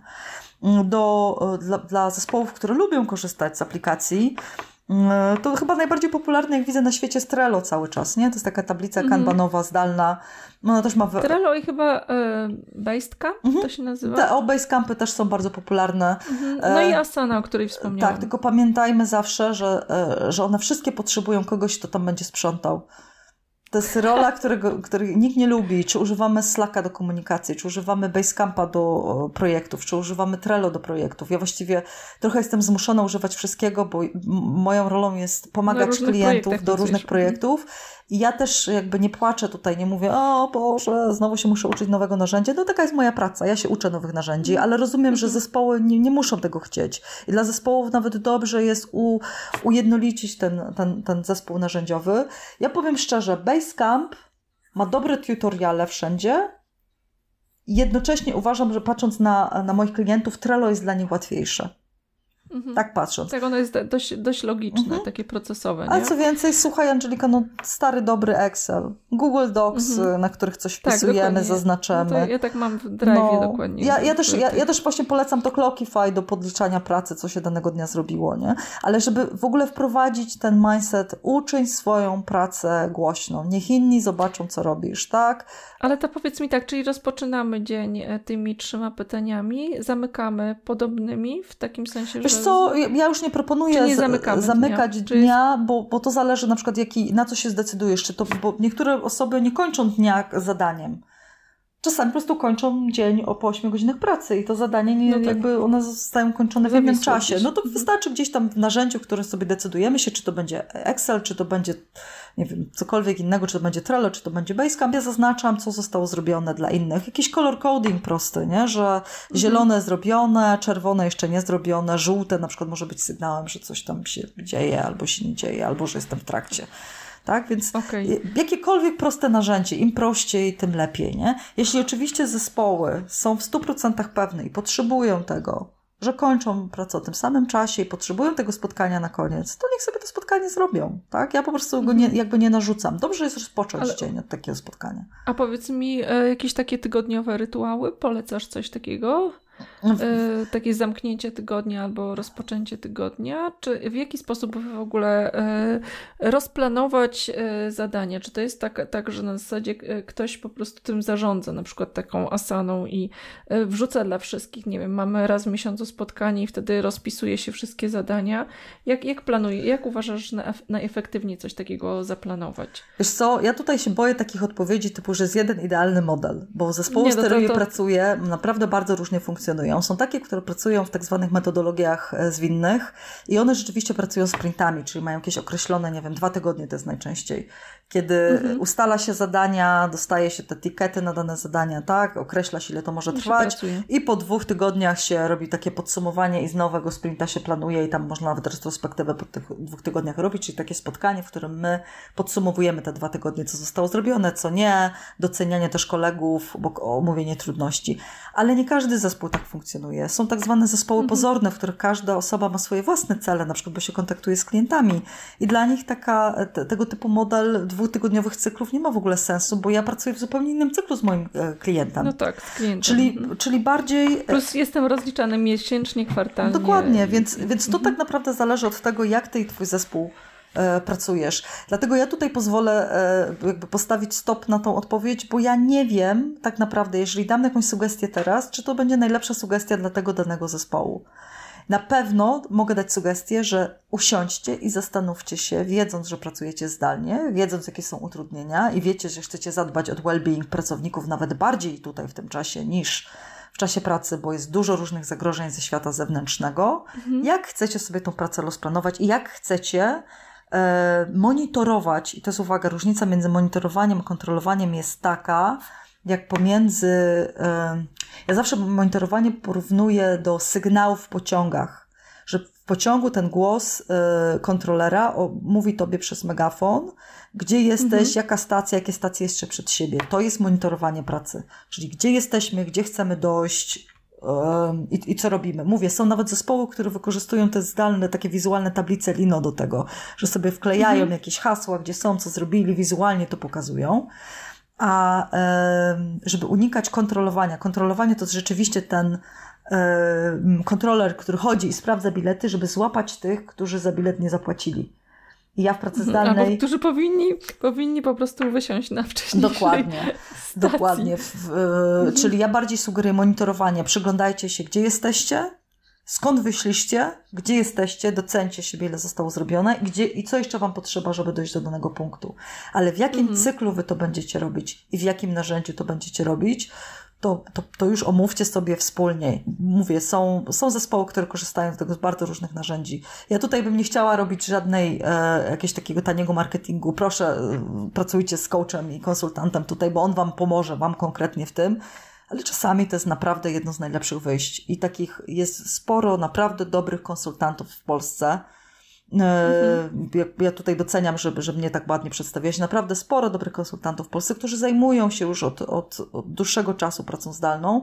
Wystarczy zobaczyć, poczytać, może nie kupować wszystkich tych, którzy się teraz chwalą, że są takimi osobami i mhm. skorzystać z pomocy, jeśli to się okazuje za trudne dla zespołu, żeby zespół sam się na to umówił.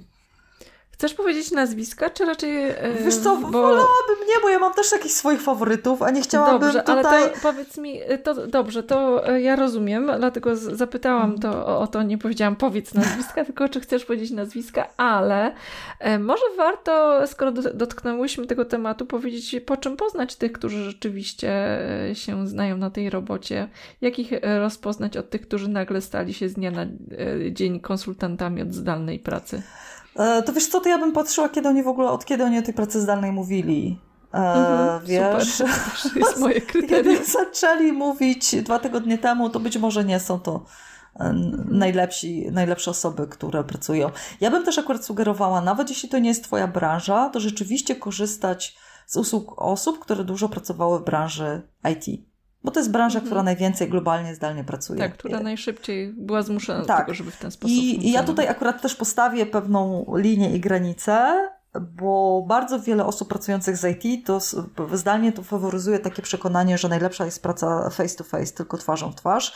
I być może nie takich ewangelistów. Takich ewangelistów bym nie korzystała, bo oni będą do w każdej pracy zdalnej podchodzili z przekonaniem, że najlepiej jest po prostu być w jednym oficie, mhm. nie? Najlepiej być w jednym biurze. Tylko do osób, które mają doświadczenie globalne tak? Bo, bo może się okazać na przykład, że ty, że, e, że masz coraz więcej, jakby też przez tą pracę zdalną, coraz więcej masz kontaktu globalnego, tak? Jest taki duży mhm. aspekt mojej pracy, o którym ja tutaj w ogóle nie mówię, bo ja się mocno zajmuję e, diversity and inclusion, czyli partycypacją w tak zwanych zróżnicowanych zespołach kulturowo chociażby. To jest tak, tak, tak naprawdę moja największa miłość ostatnimi czasy, ale ona się łączy niewspółmiernie bardzo z, z tymi z pracą zdalną. I z tego bym tylko o jednej rzeczy powiedziała. Tak jak my kulturowo wiemy, że są nacje i są na przykład płcie i są grupy osób psychologiczne, które są mniej aktywnie zdalnie, to lider też musi mieć świadomość, żeby pracować efektywnie ze swoim zespołem, musi aktywizować każdego. Mhm. Czyli na przykład, jeżeli na spotkaniu on był bardzo taki, ten lider był taki bardzo miękki i po prostu Czyli czekał. każdy musi za zabrać głos, Dokładnie. każdy musi mieć szansę się wypowiedzieć. To, i... to, to trzeba też prowadzić w kontrakcie, ponieważ są to trudności wynikające albo pewne, pewne wyzwania wynikające z medium, którego stosujemy, to moi drodzy, ja na tym spotkaniu będę po prostu pytał każdego po kolei, co myśli. Powiedz mi, czy, czy mogłabyś powiedzieć, jakby, bo chciałabym e, tak e, trochę zrobić klamrę mhm. na tej, tym elemencie e, ja, lider mojego mhm. zespołu. Jakie najważniejsze aspekty powinny znaleźć się właśnie w kontrakcie? W momencie, kiedy zespół przechodzi na pracę zdalną i żeby ten kontrakt pełnił taką rolę nie tylko regulatora zasad e, panujących, ale takiego punktu wyjścia, w którym, bo, bo to nadejście, podejście Twoje do tego, że my się teraz uczymy, żeby on był taką, takim fundamentem, z którego my wychodzimy, rozwijając swój styl pracy w naszym zespole, który nie musi być idealny, ale musi nam wszystkim e, odpowiadać i my będziemy nad tym pracowali. Mhm. To, to co w takim kontrakcie powinno się znaleźć? Wiesz co, ja zacznę od oczywistej oczywistości. Przede wszystkim takim kontrakcie powinno się znaleźć, jakie narzędzia do czego używamy, czyli jakie media mhm. używamy do czego. Tak? Czyli jeśli na przykład... Żeby ktoś mi nie wyrzucał po prostu tiketów na Face'a. Na przykład, nie? Znaczy to, to już... To, to co jest do komunikacji, co jest do komunikacji e, takiej profesjonalnej, co jest do publicznej. Może jeżeli mamy stały grafik, na przykład, bo udało nam się wypracować stały grafik, to ten stały grafik tam powinien być.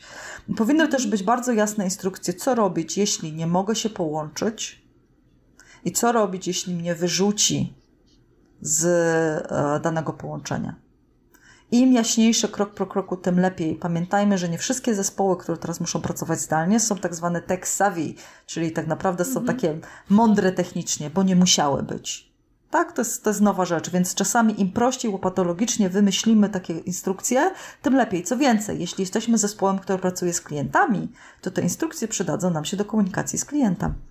Mhm. Czyli tak bardzo dokładnie, jakie medium do czego, w jakich godzinach są spotkania, w jakich godzinach w ogóle dane osoby operują, żeby było wiadomo, że na przykład Stasiu to od siódmej do tam którejś, a znowu Kasia to od dziesiątej do którejś, tak? Bo też, też może się okazać, słuchajcie, normalnie to byśmy pracowali od dziewiątej do ton, ale ja tutaj nie mogę tak zrobić, bo u mojej córki coś tam w szkole jest i ja muszę tam być obecna, ja muszę jej pomóc technologicznie i też bądźmy tutaj bardziej wyrozumieli dotyczącej tej takiej elastyczności pracy. To jest albo muszę współdzielić, nie wiem, e, ten jedyny pokój, który możemy poświęcić na biuro z moim mężem, a on w tym czasie też ma spotkanie, więc ja tutaj potrzebuję z wami wynegocjować czas. Tak? To, to, i, I mhm. proste instrukcje, to tam musi być. Inna rzecz to jest e, w ogóle takie zasady, że używamy kamerę. Tak? To jest też zasada, mhm. która moim tak, zdaniem powinna się znaleźć w, w kontrakcie. Inna, inna rzecz to jest w ogóle, jakie role są na każdym spotkaniu. Nie kto ma te role, tylko jakie role. Że jest rola hosta, czyli tego gospodarza spotkania, który pilnuje agendy. Jest osoby odpowiedzialnej za parking, czyli za wszystkie tematy, które są niezwiązane ze spotkaniem, a są jednocześnie ważne i ta osoba robi notatki. I żeby też mhm. doprecyzować, jak te notatki się robi, czyli żadnych skrótów nie używamy w tych notatkach, bo one po za godzinę nie będą miały sensu. Tak? Mamy mhm. rolę kogoś, kto yy, pilnuje czasu Mhm. Tak? Czyli różne role opisujemy sobie. Kogoś, kto na spotkaniu będziemy... Żeby później przy kolejnym spotkaniu łatwo powiedzieć, ty robisz to, to, to i to. Dokładnie. Tak? To jest... I, I, nie musieć tłumaczyć, na czym to polega. Mhm. I ja bardzo polecam, żeby to była demokracja, te role muszą rotować. Czyli żeby lider nie miał takiego podejścia, że ja zawsze jestem hostem i nigdy się nie zniżę do robienia notatek ze spotkania. Okej, okay, to, to ja wyciszam i, i przy, przyznaję głos, a nikt inny nie ma prawa tego zrobić. Dokładnie, to jest też następna rola, bo bardzo popularnym narzędziem dzisiaj e, jest e, Zoom do pracy. Ja, ja akurat jestem tak. wielkim tak. fanem Zooma, bo on ma dużo funkcjonalności dosyć dobrych. Nawet widziałam ostatnio taki żartobliwy obrazek, że kto jest winny za koronawirus. Zoom. No, no, ale mam no. nadzieję, że nie zepsuje im to PR-u. E, ogólnie to, to tam jest bardzo ważna funkcja, rola kogoś, kto wygłusza, bo osoby, które nie są przyzwyczajone do pracy zdalnej, nie wiedzą, że na przykład jeżeli jest background noise, one też tego nie słyszą tak do końca, tak jak słyszą użytkownicy, żeby po prostu świadomie wyciszać kogoś albo pisać na prywatnych wiadomościach, bo tam można prywatne wiadomości mówić. Kasia, mhm. proszę zmiutuj się, bo słuchać, nie wiem, twojego psa teraz, nie? Albo, albo coś. Tak? To, to, to są bardzo ważne role, żeby te role sobie opisywać. I to, to jest jeśli chodzi tylko o spotkania. Dla mnie... A może masz może, Inga, zestaw takich ról, które można by było zaproponować słuchaczom? E, wiesz co... E, niekoniecznie w tym momencie, może, mhm. może jakby po naszym nagraniu, żebyśmy dali przynajmniej e, taką, taką paletę ról, które, o, które, o których warto pomyśleć. Mhm. Niekoniecznie, że trzeba wszystkie je zabezpieczyć w zespole, ale zakładam, że skoro dla dużej części z nas jest to nowe, to możemy nawet o tym nie pomyśleć, że coś takiego mm. może się przydać mm. i odkrywać koło na nowo, a ktoś już o tym mm. wie. Jako fanka z, z studia Marvela, to ja często mówię o Guardians of the Virtual Galaxy. I, e, I takie role e, opisuję dosyć, dosyć szczegółowo z klientami. I to zawsze są takie, o których ja wiem, że one muszą być, ale klienci często sobie dodają. E, więc tak, ja tobie, ja większość z nich już wymieniłam, te, które muszą być, mhm. nie? E, strażnik czasu, strażnik agendy, strażnik e, programu, strażnik parkingu i tak dalej, i tak dalej. Jednocześnie ja chętnie jakby udostępnię Ci taką listę, z którą będziesz mogła się podzielić z słuchaczami. Mm. Dobrze, to. I to czy... są te takie twarde, techniczne rzeczy. Jednocześnie ka każdy kontrakt on musi zadbać o bezpieczeństwo psychologiczne. Czyli na przykład to, że pod koniec dajemy sobie informację zwrotną, e, co robimy w momencie, kiedy się pojawi, nie wiem, jakaś sesja na tym, na tym kolu, tak? Co robimy, czy przedłużamy rozmowę, czy nie przedłużamy, co oznacza dla nas punktualność i tak dalej, i tak dalej. Tylko znowu, ja tutaj zawsze powtarzam, nie ma idealnego zestawu e, rad i zasad, które trzeba tam w tym kontrakcie mieć. To jest naprawdę wszystko zależy od tego, jaki, jaki zespół jest, jaki funkcjonuje, tylko dobrze sobie zadać pytanie, co sprawi, że będzie nam się tutaj dobrze współpracować. tak? Co, mhm. Czego od siebie nawzajem wymagamy? Ja znam zespoły, z którymi jak najbardziej jest ok używanie brzydkich słów i się wszyscy z tym dobrze mają, a znam zespoły, gdzie takie coś absolutnie nie przejdzie. Znam zespoły, w których przerywanie jest jak najbardziej e, normalne, bo wiemy, że mamy wszyscy tendencję do dużego mówienia, tak? Mhm. E, a są takie, e, które no, nie, nie, nie akceptują przerywania. Ja dla, dla zespołów, które boją się przerywania, stosuję takie karty wirtualne. Mm, właśnie jest, jest osoba, która w danym momencie przyznaje kartki. Takich kartek jest, jest, jest kilka. Nie? Na przykład let's move on, tak? Mhm. Idźmy dalej. Albo clarify, albo coś tam. Nie? To jest osoba, która po prostu widzi, że coś się dzieje. Jej rolą jest głównie właśnie pokazywanie takich kartek. I ona mhm. po, pokazuje. Tak jak sędzia na meczu? Trochę tak, trochę tak. I one są zrobione kolorowo. Ja, ja wiem, że niektóre z tych narzędzi mogą być dla zespołów nieco starszych wiekiem, e, mogą być zbyt zabawne, ale to trzeba je sobie zrobić na... Wiesz, no, są takie branże i są takie profesje, które są bardzo poważne.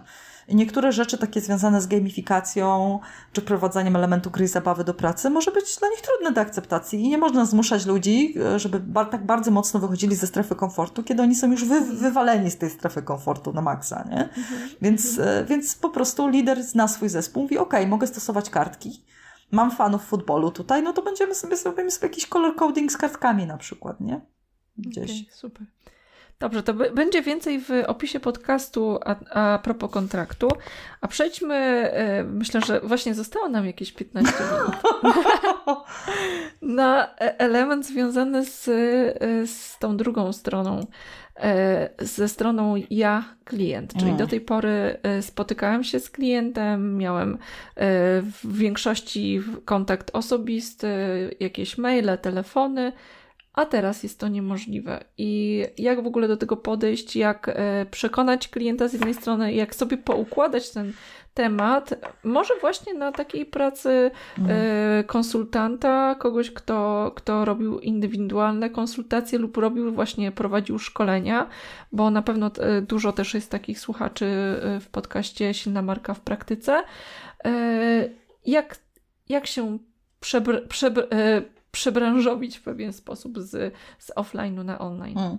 Jedna rzecz, że mi się wydaje, że dzisiaj klientów nie, nie trzeba przekonywać, bo oni są dokładnie w takiej samej sytuacji jak my, czyli że muszą się spotykać. No nie mamy wyboru w sumie, prawda? Dokładnie. E, jednocześnie, wiesz, są tacy klienci, którzy mogą być e, jakby w dużej panice teraz.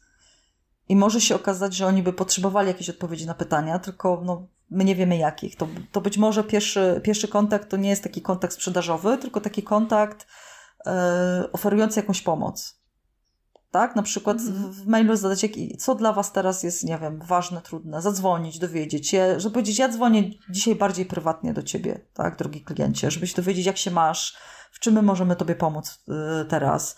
E, gdzie, gdzie być może jakiegoś naszego wsparcia e, oczekujesz, albo nie wiem, co dla ciebie w tych usługach, które myśmy tobie normalnie dostarczali, teraz widzisz, że jest niemożliwe albo trudne i, i, i ja jestem tutaj, żeby po prostu porozmawiać z tobą o wątpliwościach. To by była jakby, jakby pierwsza rzecz, nie? Jakby mhm. dla, dla mnie najważniejsza, najważniejsza informacja jest taka i znowu są branże, gdzie klient jest bardzo technologicznie wyedukowany. Są takie branże, gdzie klient w ogóle nie jest technicznie wyedukowany, tak? I co w, zrobić wtedy? Zawsze pytać o to, co jest dla klienta najwygodniejsze. Jeśli klient będzie wolał telefon, to niech będzie telefon. Jeśli klient mhm. będzie wolał Skype'a, to niech będzie Skype, chociaż jeśli nie ma się biznesowego, to dzisiaj jest bardzo trudno. Cokolwiek by klient nie wolał, to możemy, to się dostosowujemy do niego. Ja to powiem ze swojego doświadczenia. No tak, bo, bo tutaj trochę stawiamy klienta w takiej sytuacji, że on może czuć się głupszy, y, mhm. mało komfortowej, tak? Dokładnie. Kiedy on musi pytać, a, a nie słychać, a gdzie mam kliknąć, a co to w ogóle tutaj jest i tak dalej. I to jest inna, inna rzecz, bo są tacy klienci, którzy, e, to są tak zwani odważni klienci. Nie wiedzą, ale zapytają. To znaczy, mhm. powiem, ja nie mam preferencji. Ja myślę, że na przykład, nie wiem, tu mam słaby zasięg, a mam dobry internet. Co sugerujesz? No i wtedy to nie polega tylko na tym, że, że, że ja wyślę link do Zooma i powiem to, o proszę. Tylko ja sprawdzam, mhm. czy kiedykolwiek pracowałeś nad tym. I y, można samemu stworzyć bardzo proste instrukcje pisemne z, ze screenshotami w Wordzie chociażby, nie? że to robisz krok po kroku, tu jest to, tu jest tamto. Mhm. Jak się raz to stworzy dla swojego zespołu i stworzy dla klienta, to będzie nam coś, co będzie pracowało przez następne lata, tak? No, oczywiście update'y będziemy musieli tam uwzględniać wszelkiego rodzaju. Ale żeby mieć tutoriale przygotowane i teraz tak, w świecie angielskojęzycznym jest bardzo prosto, bo jest dużo tutoriali na YouTube, z których możemy korzystać. Mhm. Po polsku trzeba troszeczkę poszukać. Można się też pokusić o tworzenie napisów do tutoriali, jakich, które są już e, dostępne. Ale pierw zobaczyć, co jest dostępne. Po prostu. Mhm. A jeśli nie ma dostępnego, to stworzyć takie, takie, takie te, też instrukcje, jak korzystać, gdzie włączyć dźwięk, co trzeba zrobić. Um, a co, jak z telefonu jest róż, różnie, a jak z tableta, a jak z laptopu, a jak ze stacjonarnego mm-hmm. komputera. E, mieć oczywiście też opisane dokładnie takie same, jak mówiłam w kontrakcie, co zrobić, kiedy się nie mogę połączyć, czy z kim się mogę skontaktować, tak? A co zrobić, kiedy mnie wybije z tego, czy jeszcze raz ten sam link mogę używać, czy nie. Po prostu, wiesz, bądźmy tu jak najbardziej elastyczni w tym, co klient od nas chce. Też jeżeli na przykład klient od nas wymaga jakiegoś narzędzia, a ja go nie znam, na przykład część moich klientów pracuje w Teamsach, ja, ja Teamsy znam tak sobie, to na przykład co zrobiłam? Uderzyłam do mojej braci trenerskiej, zapytałam, e, kto się czuje dobrze w Teamsach i kto może poświęcić mi, nie wiem, 30 minut, odwdzięczę się mhm. e, w sposób, jaki mogę, żeby mi tych Teamsy pokazał, bo jakby nie moją rolą jest powiedzieć klientowi tak na 100%, nie? W, wiesz, w mhm. czasach dobrobytu to, to, to, to można było mówić tak jeszcze, że okej, okay, ale ja tutaj bym sugerowała to, ja pomogę, tutaj wystarczy kliknąć linka, coś tam, a co wolisz i, i tak dalej ale w czasach, kiedy wiesz, tak wszyscy jesteśmy w napięciu, to dokładanie klientowi jeszcze dodatkowego napięcia pod tytułem nie, to musi być moje narzędzie, bo ono jest lepsze, mhm. to tutaj się na nic e, jakby nie przyda. Więc to, to jest ta, ta pierwsza rzecz. Druga rzecz to jest też u, wspomagać klienta bardzo, bardzo w, w ogóle organizowaniu tych spotkań wirtualnych. Czyli tak samo stosujemy kalendarze, nie? żeby klient mógł się gdzieś zapisać, jakby chciał się zapisać w, w spotkaniach. Bo jak się zapisze, to trzeba zaraz do niego, wiadomo, z automatu wiadomość zrobić. Ale większość osób, które pracuje z klientami, to te rzeczy ma już dobrze opanowane, tak? Że tam z automatu pewne rzeczy idą. Tutaj jedynie jest ten aspekt taki powiedziałabym, największa trudność jest z tymi klientami, którymi wcześniej się nigdy wirtualnie nie spotykaliśmy, że oni potrzebują mm -hmm. tego elementu edukacji. I to z mojej strony jest e, bardzo, bardzo istotne. I tak samo na spotkanie wirtualne dobrze jest klientowi przedstawić taką krótką agendę spotkania, co my będziemy robić na tym spotkaniu, żeby on, on widział, tak? E, I każde spotkanie, które z klientem mamy, nawet jeśli to jest krótka rozmowa, e, dużej mierze emocjonalna, można zakończyć jakimś follow-upem, jakimś mailem, podziękowaniem e, za, za tą rozmowę, jakimś podsumowaniem, podsumowaniem mhm. krótkim, co tam było, co tam było w tej rozmowie zrobione. Ja też powiem dla osób, które teraz czują, że jakby z, nie wiadomo jak długo to będzie trwało. Ja być może będę musiał się cały czas, musiała cały czas spotykać z klientami zdalnie. Dobrze zainwestować jest Wiem, że czasy są trudne, ale kiedy wiem, że taka jest moja rola i tak to już może dłużej wyglądać, to być może w jakieś bardziej profesjonalne tło. To ja polecam te web roundy, to są takie mhm. makiety, które się przyczepia na krzesło. E, polecam być może e, właśnie znalezienie sobie takiej przestrzeni w domu, gdzie jest ściana za mną, coś bardzo neutralnego.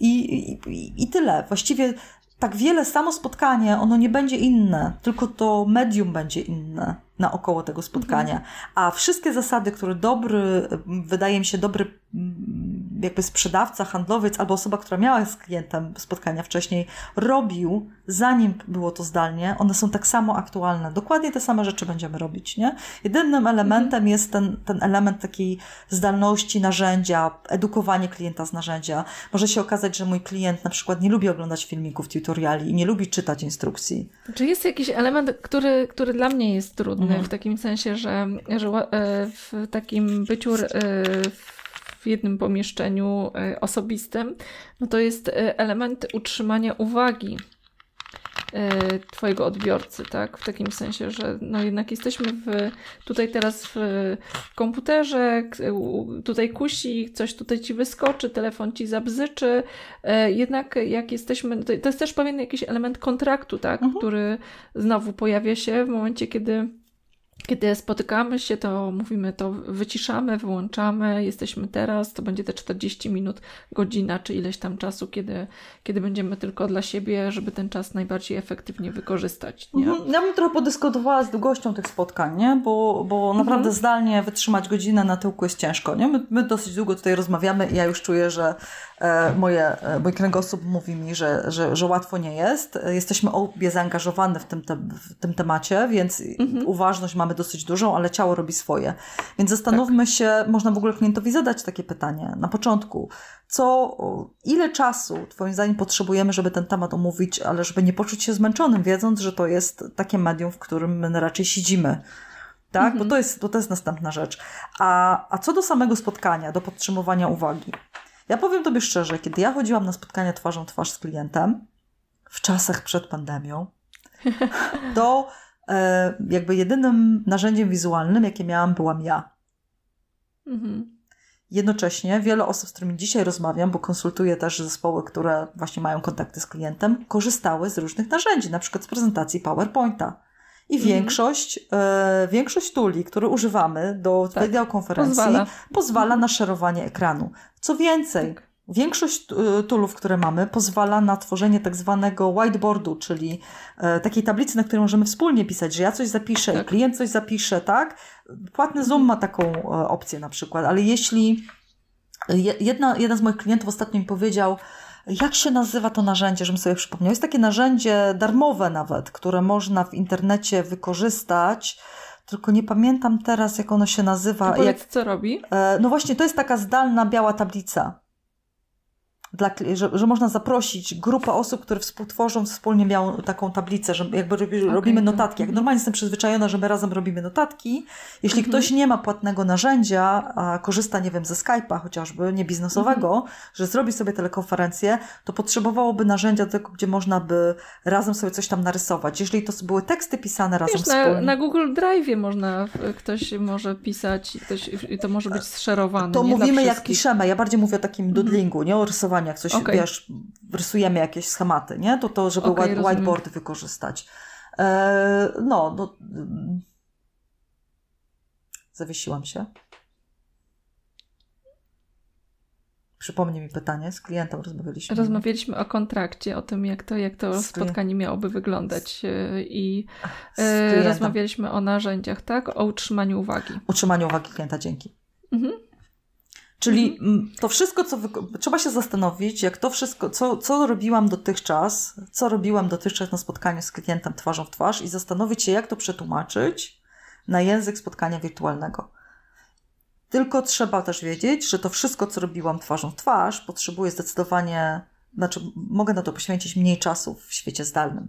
Czyli jak normalnie mhm. ja przedstawiałam klientowi bardzo dużo slajdów mhm. na spotkaniu, tak mogło być, to mhm. ja bym tutaj jeszcze mniej slajdów przedstawiła. Po prostu mniej. Wiesz generalnie mam takie wrażenie, ja e, trochę zmieniając, e, dostosowując do obecnych czasów e, rzeczy, które robię, mam wrażenie, że to trzeba bardziej, że w sumie roboty nie robi nam się mniej ani więcej, tylko że stało się tak, że te spotkania rzeczywiście powinny być bardziej skompensowane, a moją rolą jest dostarczyć trochę więcej przed i po spotkaniu.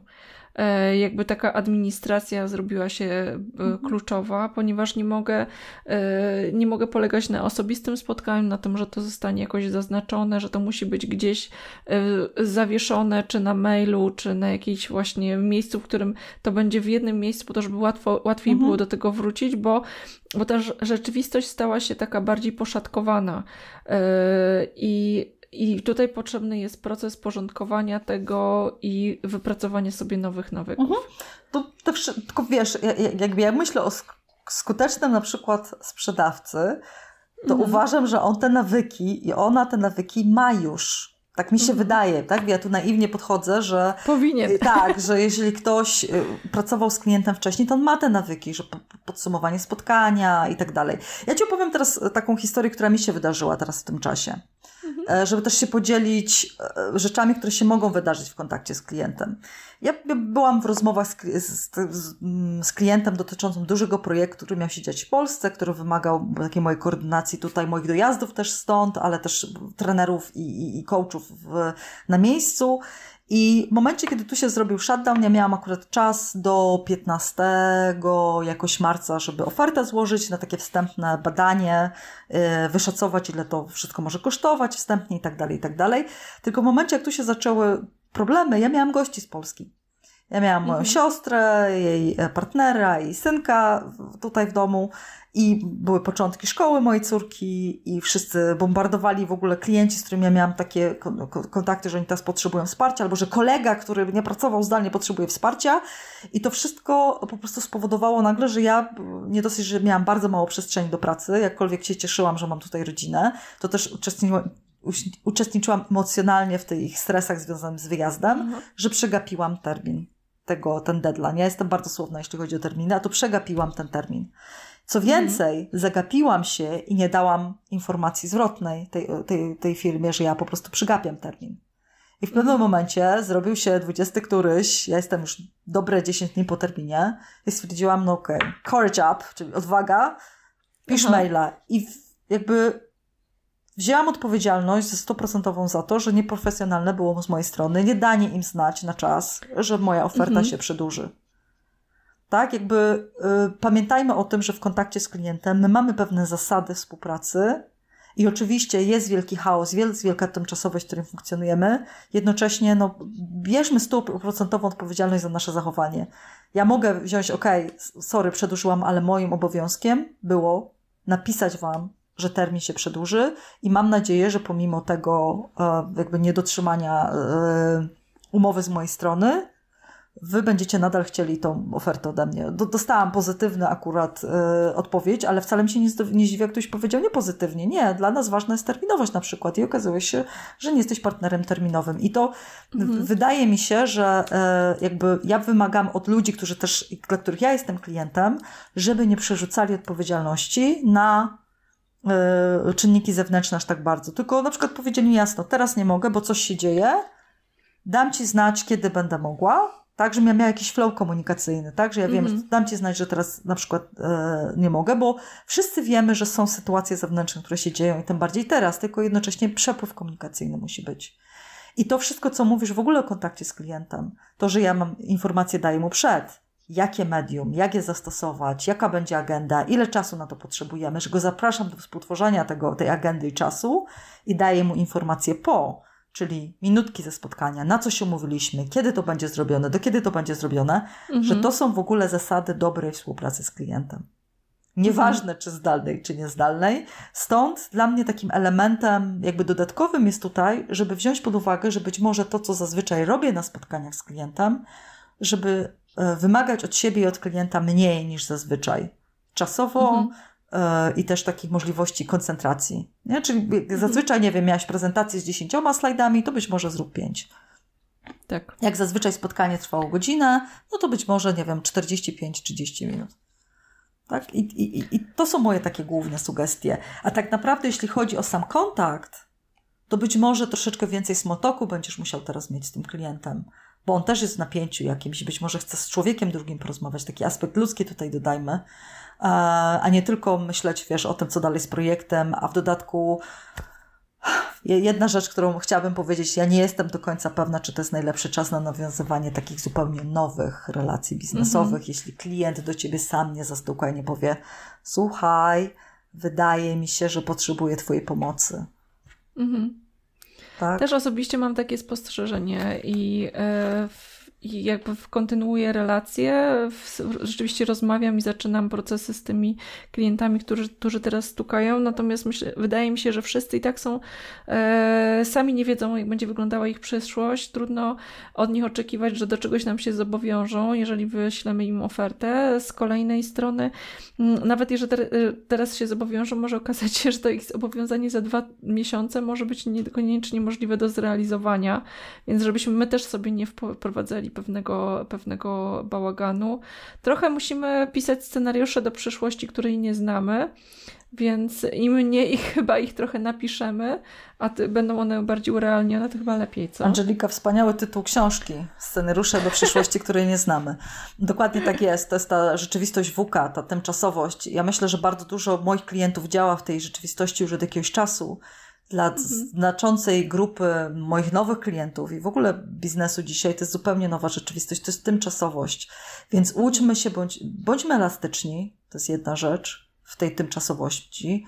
Bądźmy też, weźmy odpowiedzialność za to, za co możemy wziąć odpowiedzialność.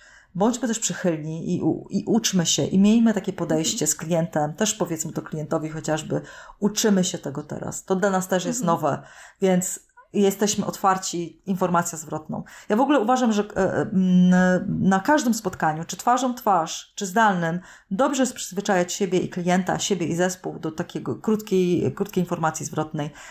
W skali od 1 do 10, na ile było to spotkanie efektywne, kiedy 1 znaczy nieefektywne, 10 efektywne dla Ciebie. Mhm. Co następnym razem można zrobić, żeby podnieść tą skalę? Tak? Super. Czego ci brakowało na tym spotkaniu? Czego chciałbyś więcej? Czego chciałbyś mniej? To są naprawdę, można jedno, dwa takie pytania sobie wybrać, tak? Czyli dotyczące assessmentu tego, co jest teraz i tego, co być może mhm. w przyszłości by było. I za każdym razem po prostu mieć taki cel, starać się być lepszym, z każdym mhm. spotkaniem, ale z taką przychylnością i też empatią dla drugiej osoby, że wszyscy się teraz staramy, wszyscy chcemy zrobić jak najlepszą robotę. Ja naprawdę tak. nie spotkałam jeszcze teraz osoby, która mówi, że rzeczywiście ratuje świat leżąc na kanapie oglądając telewizję. Dokładnie. No i podsumowując, czyli yy, jednak nie przetrwają najpiękniejsi, ale najzwinniejsi i najbardziej elastyczni. tak, dokładnie, dokładnie. Więc dbajcie, kochanie, swoje kręgosłupy, bo to jest, to jest niezwykle to jest ważne, bo praca... Warunek przetrwania. Tak, praca zdalna i siedzenie w domu powoduje, że te kręgosłupy trochę dodają. Ja na przykład już jakiś czas temu kupiłam sobie taki stopień do wchodzenia i schodzenia i przyznam szczerze, że dużo rzeczy robię teraz na tym stopniu. Po prostu, okay. żeby dbać o te 10 tysięcy kroków dziennie, bo wiem, jakie to jest ważne dla mojej głowy, ale też jakie to jest ważne dla mojego kręgosłupa. Super. Inga, bardzo dziękuję Ci za, za to spotkanie e, międzykontynentalne.